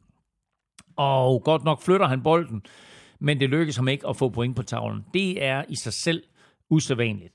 Øhm, Derudover så var det jo usædvanligt koldt, øhm, som det måske, måske ikke fremgik af tv-billederne. Men altså, det var officielt 6 minusgrader, men det man, kan, med det, man kalder wind chill eller vindfaktor, der føles det faktisk som minus 15. Og det synes jeg til tider, man godt kunne se på nogle af, øh, den måde, nogle af boldene blev kastet på, og så videre også, og at, at det faktisk var lidt svært for, for begge mandskaber øh, at løbe bolden. Så øh, der var muligheder for Bengals til at vinde den her kamp, øh, og normalt så vil Burrow jo gribe sådan en chance. Det samme kan man jo sige øh, om Mahomes, og øh, da, da de får bolden tilbage der, Chiefs med 30 sekunder igen, så øh, fører han det også sit hold ned ad banen, men det kræver altså en 15 straf, for at, de, øh, for at de får de afgørende yards til at, at kunne vinde kampen på et field goal. Og så var der jo øh, rigtig meget snak om øh, Patrick Mahomes og hans øh, ankelskade i ugen op til, øh, til den her kamp, og øh, selvom han ikke var 100%, så leverede han jo bare igen nogle spektakulære spil undervejs, og det var jo så også derfor, vi øh, nominerede ham til ugens spiller. 29 43 for 326 yards og to touchdowns, så han stod stort set for, for alle de yards, som, mm. øh, som Chiefs producerede. Ja, og altså, altså hatten af for den her mandfolkepræstation, ikke? Altså prøv, det er en uge siden, at han får den skade, der hedder high ankle sprain, som normalt i hvert fald tager 3-6 uger at komme sig over. Og her, øh, der løber han under opvarmningen, og han løber også øh, i, i, i løbet af kampen her, og det er jo også på et scramble for en første down til sidst, hvor han så bliver skubbet efterfølgende. Og det er ikke to yard scramble, det er en 10 yard scramble, ikke? Altså som, som, som, øh, som gør, at at øh, han så bliver skubbet der til sidst, og de, og de får den der 15 yards straf. Altså, men altså, han halter undervejs, og man kan også se, at han er i smerte øh, undervejs, men han leverer nogle crazy kast. Første touchdown øh, er jo på en fjerde down og tre, øh, sådan øh, dybt inde i, i, i Bengals territorie. Øh, han ruller ud til sin højre side. Ikke noget med at trække tilbage i lommen, men han ruller ud, ud til sin højre side, og han har en fri mand på sidelinjen, som helt klart er den mand, det play er designet til at gå til. Det skal bare lige give en første down. Men han holder bolden, og han vil mere. og så kaster han touchdown til Kelsey i endzone. Der er en en mod en opdækning, og, og der er han jo altså øh, super giftig. Og på trods af, at han har en fod, og sådan du ved, lidt humper ud til sin højre side der, så får han stadigvæk leveret et perfekt kast i den rigtige højde, med den rigtige fart på indersiden af cornerbacken, så kun Kelsey kan gribe den. Ikke? Altså, der, der er quarterbacks med to fødder. To hele, normale, raske fødder, der ikke kan levere det kast der. Men derfor, det play der, og i det hele taget, så tror jeg, at det var vigtigt for Chiefs at vise Bengals, at Mahomes ikke var en statue, der stod i lommen, men at han godt kunne lave de her rollouts, fordi det var ikke første gang, og der var flere af dem øh, undervejs. Øhm, han har oversat play på et tidspunkt, og det var måske faktisk hans mest imponerende play hele aften, hvor han jeg er lidt i tvivl om, det er designet til, at han skal løbe ud til venstre, eller han bare scrambler derud, men han løber i hvert fald ud til sin venstre side. Og med den måde, hans fod er på, og det tager i betragtning, at han er højre quarterback, der er det vanvittigt imponerende, at han får vendt sig og får kastet tilbage ind i midten til, jeg kan ikke huske, om det er Kelsey eller Scantling, eller hvem det er, men altså, det er et crazy kast, og igen, der er et af quarterbacks i felt, der ikke kan lave det kast, ja, selvom de er 100% raske. Nu sagde jeg lige Marcus Valder Scantling, altså imponerende kamp med ham. Faktisk hans bedste i år, i den her sæson. Hans første for, øh, for, for Chiefs. Hans bedste kamp i år. Han har en kamp tidligere i sæsonen, hvor han greb seks bolde. Øhm, her der griber han seks bolde igen. Det er for 116 yards, og det er for og, og med et touchdown, det touchdown, der bringer Chiefs foran 2013.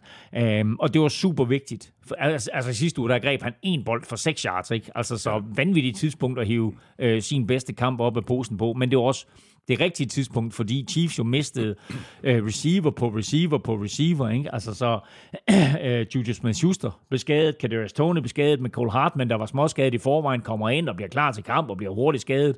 Så det var sådan begrænset efterhånden, hvad de havde af receiver. Og derfor kan man igen sige, rimelig imponerende trods alt, Ja. at de trækker sig sejrsrigt ud af den her kamp. Ja, ja, præcis.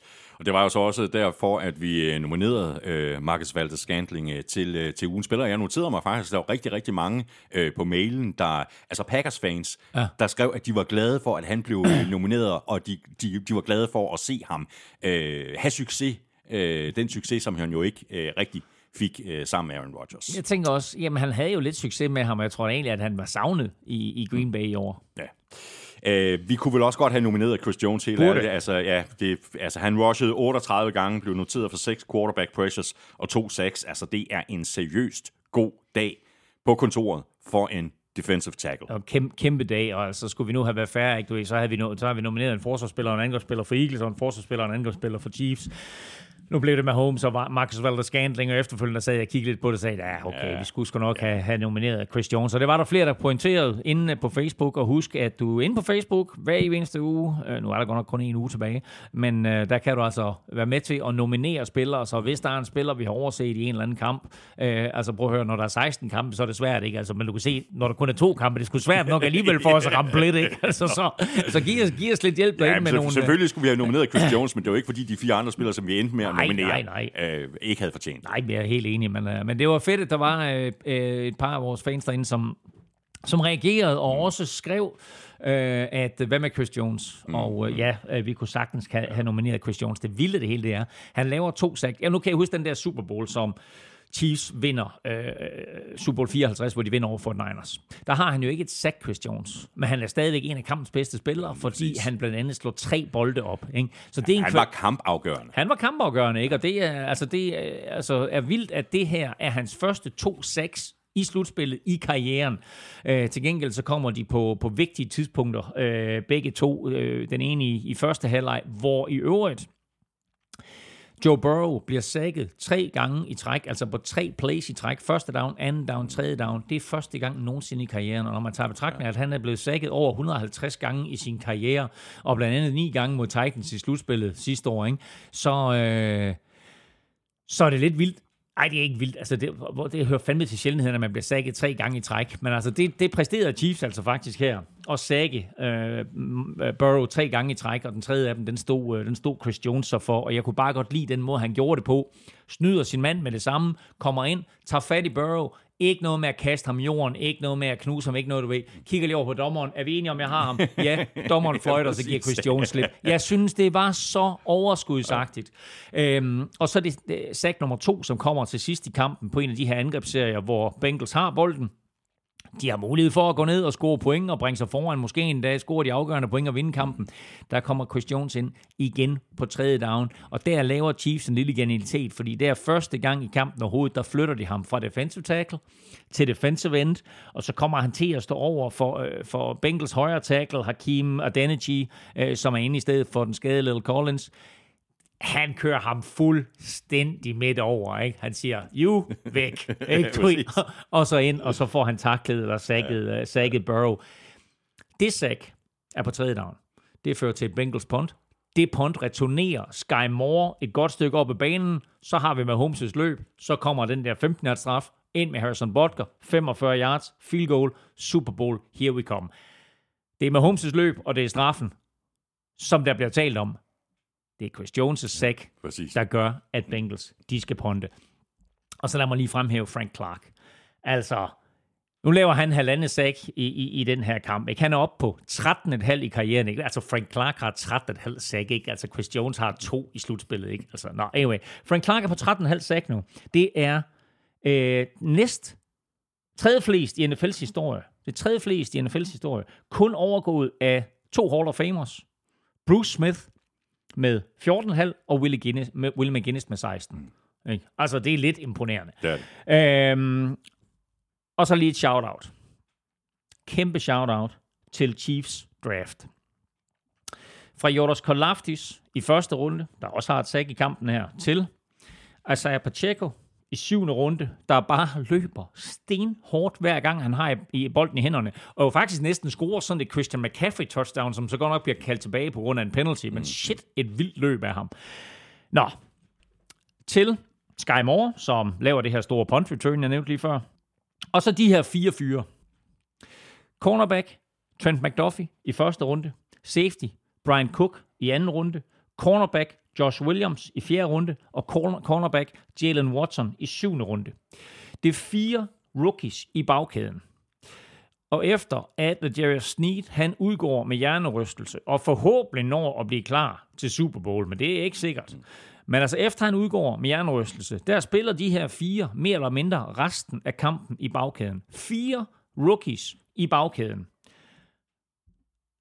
Og de spiller fantastisk. De står for to interceptions. Den ene blandt andet, hvor den ene rookie, i stedet for bare at slå bolden ned, nærmest sådan basketballagtigt vipper bolden til sin holdkammerat, der så laver en interception. Det er altså, hvis man ser på det, øh, imponerende, hvad de præsterer her. Men det er også vildt, sådan i et fremtidsperspektiv, det er da det, der er det vilde, ikke? at de har fire rookies, der starter i bagkæden og gør det super, super godt. Ja, hvad kan det ikke ende med? Hvad kan det ikke ende med for, øh, for, for dem her? Så det er noget af en ungdommelig saltvandsindsprøjtning, de har fået i de Skal jeg bagerste godt nok for. Bengals havde jo øh, stor succes i forrige uge mod, øh, mod Bills, øh, altså med at beskytte øh, Joe Burrow øh, bag den her skadesramte offensive linje. Det lykkedes ikke lige så godt i den her kamp. Altså nu har vi lige talt om det, øh, øh, blandt andre øh, Chris Jones og hans øh, indsats. Hvad var det, der ikke lykkedes den her gang for Bengals, som altså lykkedes mod Bills? Jamen altså for det første, så var den offensive linje jo i, i, i gigantiske problemer øh, i, i den her kamp. Altså, øh, de kunne øh, ikke løbe bolden. Øh, hvis, vi ser, hvis vi ser på den defensive linje for Chiefs, og vi ser på, eller lad os sige den defensive front seven for Chiefs, og, og den defensive front seven for, for, for Bills, så er Bills linebackers måske bedre, men Chiefs defensiv linje er bedre. Og sådan overordnet, hvis du tager dem alle syv, seks eller syv, alt afhængig af, hvad, hvad, hvad det lige er for en formation, man kommer ud med, så er Chiefs et væsentligt bedre forsvar op foran, end Bills er. Og som vi også pointerede i sidste uge, da, da, da Bills de tabte til Bengals, så var det jo bevist allerede midt i sæsonen, at man kunne løbe på Bills, og det fik de aldrig justeret. Bengals løb for 100, plus 170 yards øh, i sidste uge. I den her uge, der løber Burrow for 30 yards på fire scrambles. Og han har et enkelt løb, som faktisk er et designet øh, quarterback draw, men ellers så har han fire løb for 30 yards. Det er flest af nogen Bengals-spiller. Så Marty P. Ryan har fem, yard, fem, fem løb for 22 yards, og Joe Mixon har otte løb for 19 yards. De kunne ikke løbe bolden. Og når det er minus 15 grader og så videre, så er det altså en fordel, hvis du kan løbe bolden. Men de skulle ud af kasten, og på trods af, at Chiefs stiller op med de her fire unge drenge i bagkæden, så, øh, var, der, altså, så var der så god opdækning, så Burrow havde svært ved at nå øh, og lokalisere den rigtige receiver og få en god bold afsted. Selvfølgelig var der mange gode kast til Jamar Chase, og der var, på, der var flot touchdown til T. Higgins, og der var masser af andre gode plays undervejs. Men det pres, den defensive linje fik skabt, og det faktum, at den her ramponerede offensive linje ikke kunne skabe hul til running backsene, og heller ikke kunne blokere Chris Jones og company, det gjorde, at Joe Burrow han var under et umenneskeligt ja. pres hele vejen igennem, og det var den helt store forskel. I sidste uge sad vi og roste Bengals offensiv linje. I den her uge, der blev de fuldstændig øh, øh, udmanøvreret og, og, og kørt midt over og øh, out, outpowered, hvad hedder det? Altså bare sådan, ja, ødelagt. Ja. De blev kørt over. Præcis. Øh, men vi kan vel ikke engang øh, kritisere Bengals for, øh, for de her problemer på den offensive linje. Altså, de, de valgte jo at opgradere sidste år, øh, netop for at beskytte Burrow bedre. Øh, de har jo bare været uheldige dybest set med, mm. med, med skader og masse skader på én gang. Det gør vel så, at de bliver nødt til at adressere linjen igen, om ikke andet så for at få mere bredde. Altså resten af holdet er jo på plads. Ligner også et hold, der kan blande sig helt i toppen næste år, men de har jo ikke råd til at have de her udfordringer på den offensive Men, men linje. altså, okay, altså nu, nu, nu taler vi om det uheldige, at, at uh, Fort Niners, de mister tre quarterbacks i løbet af året, ikke? Og, og, og ja, fire, hvis du tager Josh Johnson med, ikke? um, det er jo heller ikke normalt, at du en måned før sæsonafslutningen Nej, står med, med, med, en, med en fuld offensiv linje, og så mister du tre spillere på den offensive linje. Uh, en offensiv linje, der jo starter fuldstændig fra scratch for spil U1 og er elendig i, i størstedelen af september, men så stille og roligt begynder, altså vi sagde, der svinet den offensive linje til her i starten af året, ikke? og så jeg sagde, at de penge kunne de godt have brugt anderledes, ikke? men de fik styr på det. Og, og der kom styr på den offensive linje, og pludselig så fungerede det her angreb. Joe Burrow havde beskyttelse, øh, og, og de vinder 10 kampe i træk.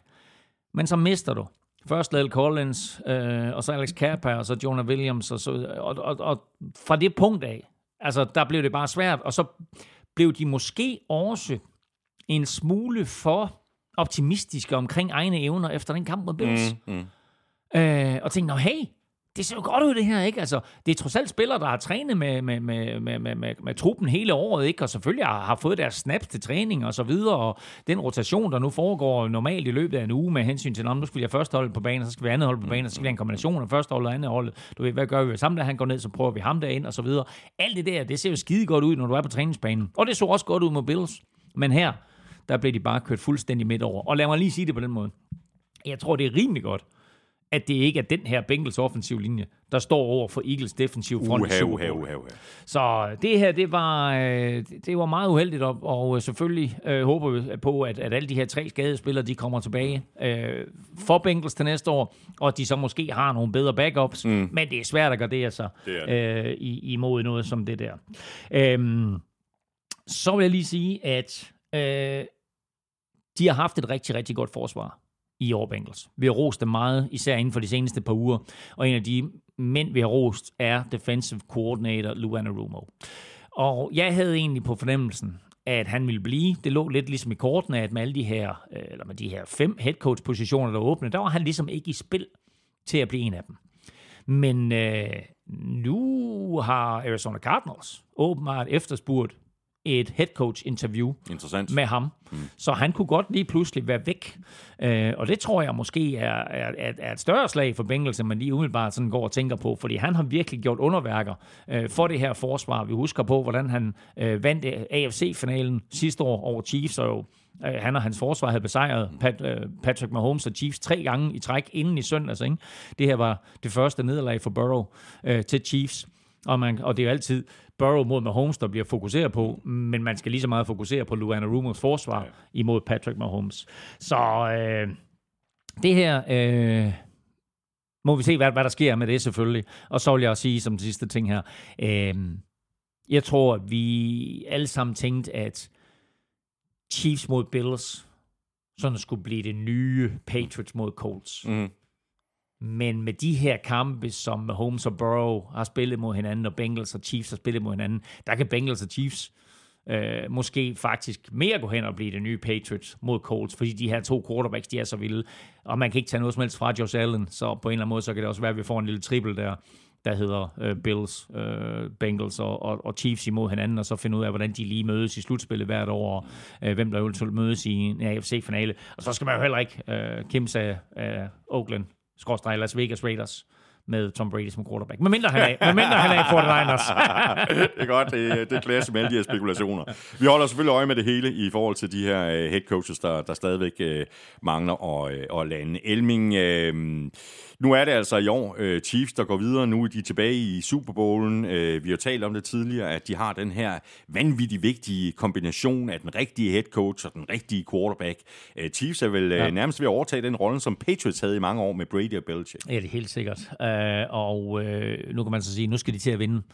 De har været der to gange, de har vundet en, de har tabt en, og den, de tabte, var selvfølgelig til Tom Brady og Buccaneers, og det var jo også udråbt på en eller anden måde, som den kamp med Holmes, han skulle vinde, hvis han på nogen måde skulle nå op på Bradys syv Super Bowl sejre, eller seks Super Bowl sejre, var det jo inden øh, det nederlag. Nu kom Brady så op på syv, og det gør selvfølgelig med Holmes' quest for at nå de syv noget mere vanskeligt.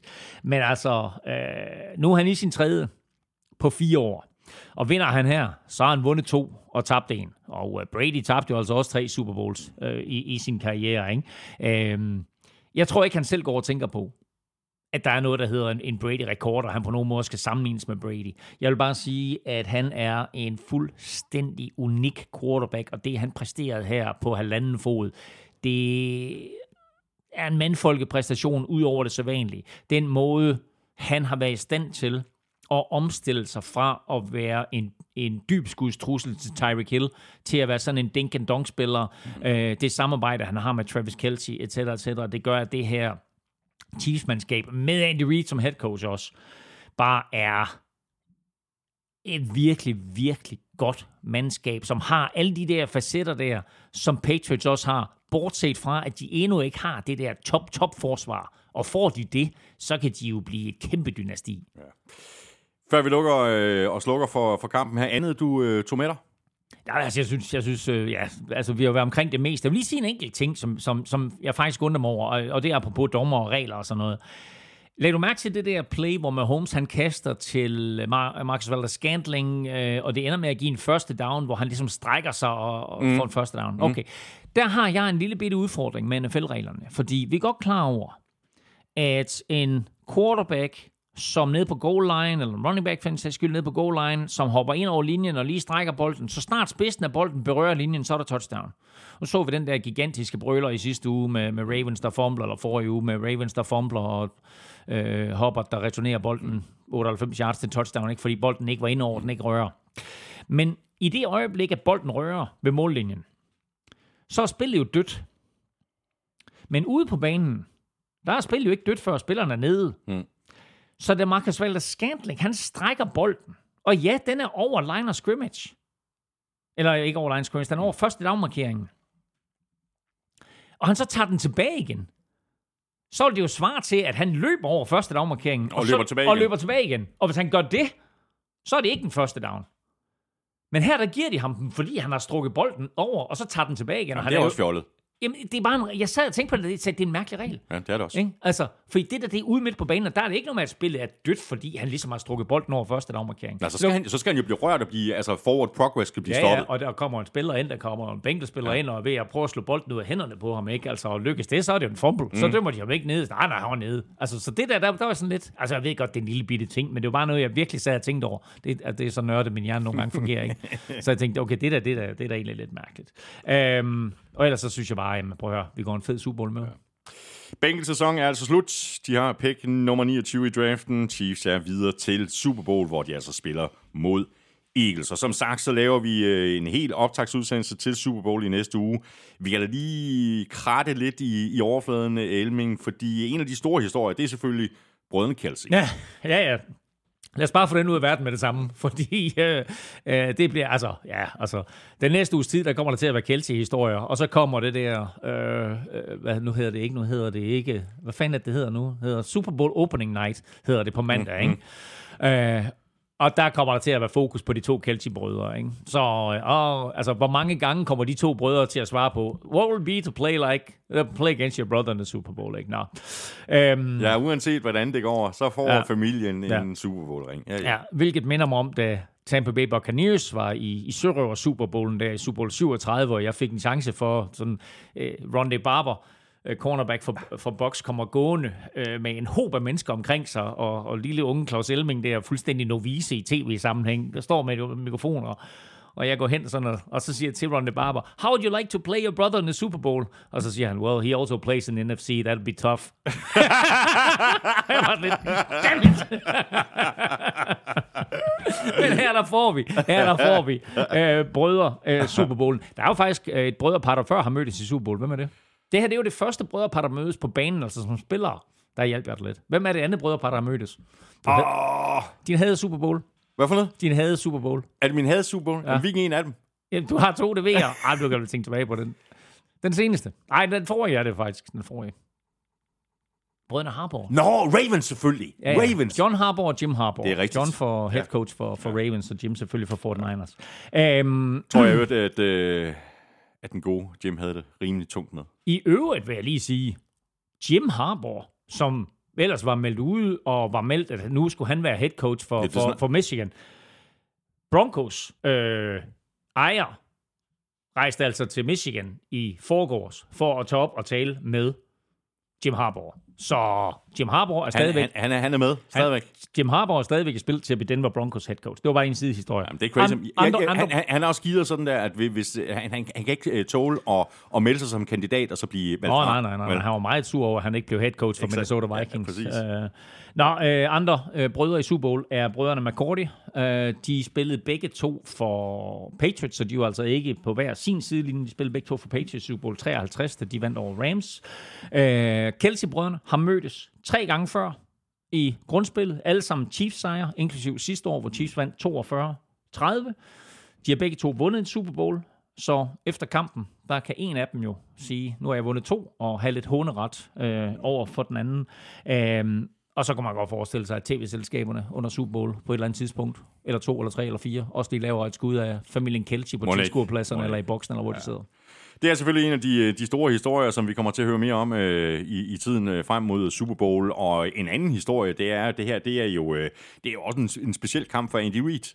Ja, altså det bliver selvfølgelig også en af de store historier. Ikke? Altså tidligere head coach selvfølgelig for, for Philadelphia Eagles, og øh, havde jo enorm succes øh, med Philadelphia Eagles, førte dem i playoffs øh, ni gange, inklusiv altså fem NFC-finaler, ikke? Altså, og deraf fire i træk. Øh, og nu har han så lige ført Chiefs til fem AFC-finaler, vil mærke alle sammen i træk. Altså, det er jo uh, helt, helt, helt imponerende. I øvrigt, den eneste head coach nogensinde til at vinde 10 slutspilskampe med to forskellige klubber. Uh, og nu kan han så få hævn over Eagles, altså det hold, som han førte til uh, ja, noget af det største succes, klubben overhovedet har haft uh, i deres levetid. Uh, men fyrede ham efter at øh, det ligesom gik lidt ned ad bakke der i 2012-sæsonen, og Donald McNabb var for nedadgående og så videre, og så, så følte Jeff Lurie, at nu skulle der andre boller på suppen, og så fyrede de Andy Reid, og så kom han til Chiefs, og Øh, der fik, der har fik, ikke set sig tilbage siden. Det har han ikke. Så det her det bliver helt sikkert også en kamp med, med masser af fokus på ja. Andy Reid. Og så øh, bliver der helt sikkert også øh, fokus på de øh, to quarterbacks. De to øh, første mørke quarterbacks Præcis. i en uh, Super Ja, ja, og det er jo lidt vildt, fordi øh, her 1. februar, der er det jo... Øh, ja, hvad hedder sådan noget? Øh, det hedder, og hvad kalder det det? Det hedder ikke, det hedder ikke Black, det hedder African American History Month, tror jeg, de kalder det. Mm. Så der er fokus på øh, det mørke community i, i USA, og derfor så er det klart, at så vil der også være enormt stor opmærksomhed på, at det her, det er den første Super Bowl mellem øh, to mørke quarterbacks, om en øh, Patrick Mahomes, han er sådan en 50-50 øh, dreng med en øh, mørk far og en hvid mor. Øh, men øh, det er i hvert fald noget, der kommer til at være utrolig stor øh, fokus på. Og så er det jo også de to øh, MVP-kandidater. Havde Jalen Hurts nu fuldført hele sæsonen for Eagles, var han ikke blevet skadet, så havde vi på nuværende tidspunkt nok stået med øh, altså, øh, et, et stort spørgsmålstegn omkring, hvem bliver sæsonens MVP. Øh, nu forestiller jeg mig, at det bliver Patrick Mahomes. Jeg kan ikke forestille mig andet, end at han bliver MVP for sæsonen. Og så kan de jo to så battle på banen om, hvem der skal være... Super Bowl MVP. Og hvem der skal være Super Bowl uh, øh, MVP. Så det er i hvert fald også noget, der, der bliver rigtig spændende at følge med i. Uden at skulle uh, gå alt for dybt til, hvordan synes du så, at de to hold, de står til hinanden, altså Chiefs og Eagles? Jamen, altså for det første så vil jeg sige, uh, som jeg også lige sagde lidt tidligere, jeg synes, det er godt, at det ikke bliver Bengals offensiv linje, eller Bills offensiv linje for den sags skyld, uh, som skal stå over for den her Eagles front. Så jeg tror, ud fra det perspektiv, der er det faktisk det bedste valg for Super Bowlen og for AFC, at det bliver Chiefs med deres offensive linje, der kommer til at repræsentere AFC i Super Bowl, fordi den der defensive front for Eagles, den kan altså tage livet af, enhver modstander. Øhm, så synes jeg også sådan ud fra perspektiv omkring øh, Travis Kelce og det faktum, at han må betragtes som, som både NFL's øh, bedste tight end og øh, en af historiens bedste tight ends, så han har jo bevist, at han er nærmest umulig øh, at dække op, og, og det, det er sjældent, at han møder en spiller, en til en, der kan, der kan dække ham op. Men i CJ Gardner-Johnson, der har Eagles faktisk sådan en spiller, der både brutalt og øh, mentalt kan komme ind i hovedet øh, på mm. Kelsey, og måske i hvert fald kan hjælpe med at dække ham op, og måske tage nogle af de der catches væk, som, som bare ser så lejende let ud for ham og Mahomes. Øh, så det bliver også sådan et, et, et matchup, jeg synes, der bliver sjovt at holde øje med. Og så altså den her unge bagkæde, som vi lige her sidder rost, ikke? Altså fire rookies, der spiller fænomenalt imod øh, Joe Burrow og company, ikke? Altså de skal op imod den dynamiske duo bestående af A.J. Brown og så The Slim Reaper, Devontae Smith. Hvordan klarer de det? Nu har de lige gjort det rigtig, rigtig godt imod T. Higgins øh, og Jamar Chase. Øh, Tyler Boyd udgik med en skade undervejs. Men altså, det er trods alt to superstjerner, som de lige har gjort det rigtig godt imod. Nu kommer de op imod to andre superstjerner, så det er sådan lige tre af de matchups, jeg kommer til at kigge nærmere på. Vi kommer naturligvis til at tale meget mere ja. om, øh, om alle de store matchups i næste uge. Det gør vi nemlig øh, lige om lidt. Øh, der skal vi øh, et smut omkring øh, quizerne. Vi skal også have en øh, status på vores picks, men vi venter med at lave vores øh, Super Bowl pick til øh, optagsudsendelsen i næste uge. Lige nu, der skal vi lige et øh, lille smut omkring øh, vores gode venner fra BookBeat og deres tilbud, som du øh, skulle tage at øh, benytte dig af, hvis du ikke allerede har gjort det. Du kan nemlig få gratis adgang til over 700.000 titler i to måneder, fuldstændig uden risiko og uden at binde dig til noget, og det kan du altså, hvis du signer op på bookbeat.dk-nfl. Lige nu øh, tilbyder BookBeat øh, nye kunder 45 dages fri adgang, men øh, du får altså hele to måneder med vores øh, kode. 700.000 øh, titler, Elming, det er alligevel en chat. Ja, ja, og der er masser af fine bøger derinde, og jeg fandt faktisk øh, lynhurtigt, øh, er der skrevet en, en bog om NFC-finalen, Ja, som, øh, som kom ud øh, i går. Øh, den hedder I ørnenes klør. ja det er Øh, rigtigt. Ja, der er også skrevet en bog om AFC-finalen, der bare hedder Regler for høvdingebold. og øh, ja, så er der faktisk, øh, jeg ved ikke, der, er, der er en bog om Super Bowl her også. Øhm, altså, ja, jeg ved det ikke. Jeg ved det ikke. Ej, jeg ved det ikke. Ej, det er ikke, det er ikke, fordi det er noget frækt eller noget, men det er sådan... Øh, Kom det så vel. fordi- Ej, det var fordi, jeg legede lidt med, om det skulle være Astrid Lindgrens klassiker, Brødrene Kelchi hjerte, men så synes jeg alligevel, det var lidt for plat. Så der er faktisk den her, der er den her bog, som faktisk ligger derinde, som hedder Ren selvkærlighed med Super Bowls. Er der en bog, der hedder det? Ren selvkærlighed med Super Bowls. og, det, og det handler om sådan en superfood. Du kommer ned i en super... Du ved, så, det, så bliver det en super bowl, du så sidder og spiser, så får du kærlighed til dig selv. Så. Men der ligger en bog, der hedder Ren, Ren selvkærlighed med Super Bowls. 700.000 øh, titler, og du kan altså få adgang til øh, det hele inde på bookbeat.dk. Øh, både e-bøger og lydbøger, og du bestemmer selvfølgelig selv, om øh, du vil downloade eller streame dem på din øh, mobiltelefon eller tablet. De to første måneder er som sagt øh, fuldstændig gratis, øh, og det er de altså, hvis du signer op på bookbeat.dk-nfl. Du binder dig ikke til noget. Du skal lige huske at melde fra igen, hvis du ikke ønsker at fortsætte med dit abonnement efter prøveperioden. Og så er det faktisk øh, i øvrigt en øh, rigtig god idé at slå til nu, fordi det her tilbud om øh, to måneders øh, gratis adgang, det holder ikke for evigt. Øh, du skal slå til inden den 13. februar. Jeg fik en mail fra BookBeat i går. Og, Dagen efter øh, Super Bowl. Ja, og 13. februar, der bliver den her, sådan, uh, længden på prøveperioden, den bliver altså uh, sat uh, gevaldigt ned. Vi skal have quizzen. Oh. Det er tid til quiz. Quiz, quiz, quiz, quiz. Nå, Emling, lad mig svare på dit uh, quizspørgsmål uh, først. Uh, Ja. Det var noget med antal sacks for, uh, for sæsonen. Eagles lavede 70 i grundspillet, tredje flest af noget hold nogensinde, men hvilket hold havde næst flest i år? Ja, det her, jeg, jeg, jeg overvejer at sige for Niners, men jeg tror Ja. ikke, at de havde så mange sacks alligevel. Men øh, hvis jeg skal komme med nogle bud på ja. nogle forsvar, som jeg ved i hvert fald havde en del sacks, Ja. øh, så er det oplagt at sige øh, Cowboys. Ja. Øh, det er også oplagt at sige Jets. Ja. Patriots tror jeg faktisk Ja. også er deroppe af. Ja, ja. Og så har vi selvfølgelig... Ja, det, det her det er jo en klassisk elming, ikke? Det er jo en klassisk elming-quiz, det her. Ja. Er det nu, jeg skal gætte på Chiefs? ja, det er der så. det gik lige op for mig. Åh, oh, ja. ja. Ja, men, nå, men det er godt. Chiefs havde næst flest seks i år med, kæft, med, med 55. Okay, Så hvor de er de andre hold? Har du, har du listen? Åh, oh, hvad? jeg havde faktisk listen hængt på her. Øhm, jeg ved ikke... Øh, 55, øh, noget Chiefs op på, okay. jeg havde den her. Hæng på to sekunder. Øh, bop, bop, bop, bop. Øhm, Jeg sagde Cowboys, jeg sagde Jets, øh, Den er her. Patriots. Øh, nej, det var, det var spillere. Du, du, du, du. Øh, her. Øh, så 70 for Chiefs, eller 70 for Eagles, 55 for Chiefs, øh, 54 for både Patriots og Cowboys. Okay. Så, så der, det, var, det var godt set. Så havde Seahawks og Ravens 8, Seahawks. Seahawks og Ravens havde 48. Øhm, undskyld, Saints og Saints og Ravens Okay. havde 48. Jets og Seahawks havde 45. Okay. Og det havde Bucks øvrigt også. Og så havde 49ers 44. Mm. Okay. Godt, så var der, Dårligste, dårligste hold. Færrest 6 i NFL. Vikings. er det rigtigt? Ej, jeg tror ikke, de var ikke... øh, Ej, de, var, de havde 38. De var bare lidt den sidste på listen her. Det ringeste hold i år med 6, det var... Øh, kan det passe? Kan det passe 6? Jo, den er god nok. 20 styk for Chicago Bears. Ja, det er ikke godt. Nej. Så var der mit spørgsmål. Uh, Travis Kelsey uh, greb uh, syv bolde for 78 yards i den her kamp, som vi lige har talt om, altså kampen mod Bengals i, i søndags, og dermed er Travis Kelsey nu nummer to på listen over spillere med flest receiving yards i slutspillet. Hvilken spiller har han lige overhalet? Mm. Og hvem ligger nummer et på listen? Jeg vil sige, at han har lige overhalet Julian Edelman. Det er fuldstændig korrekt. Jeg tror, Kelsey har sådan noget med 1480. Kan det passe? 1467. Nå, okay. Nå, jeg troede, Edelman han havde lige der omkring. Så har Edelman sådan 1440, eller hvad? 1442. Okay.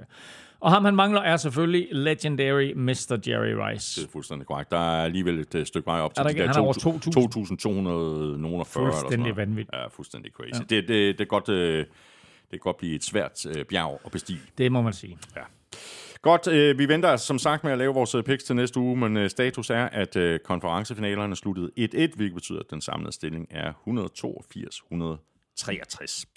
Det var det. Øh, tak for det, Emling. Øh, vi er altså tilbage igen næste uge med vores øh, Super Bowl-optakt, hvor vi går meget mere i detaljer med de to hold og de forskellige matchups, der er i kampen, og zoomer ind på, hvad hvert hold skal gøre for at vinde.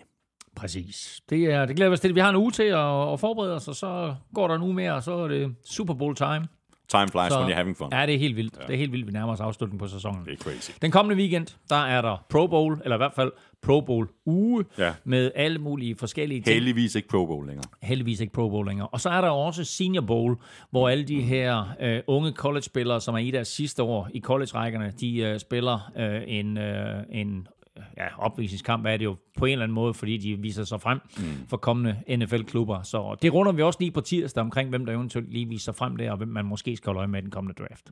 Det gør vi nemlig. Uh, tusind tak, fordi du uh, lyttede med. Hvis du uh, godt kan lide det, vi laver, og godt kunne tænke dig, at vi napper en sæson mere, så skulle du tage og støtte os med et valgfrit beløb på tier.dk, titaler.dk. Du kan også bare trykke på linket øverst på nflsud.dk. Det ligger lige ved siden af linket til shoppen, hvor du kan købe lidt af vores merchandise.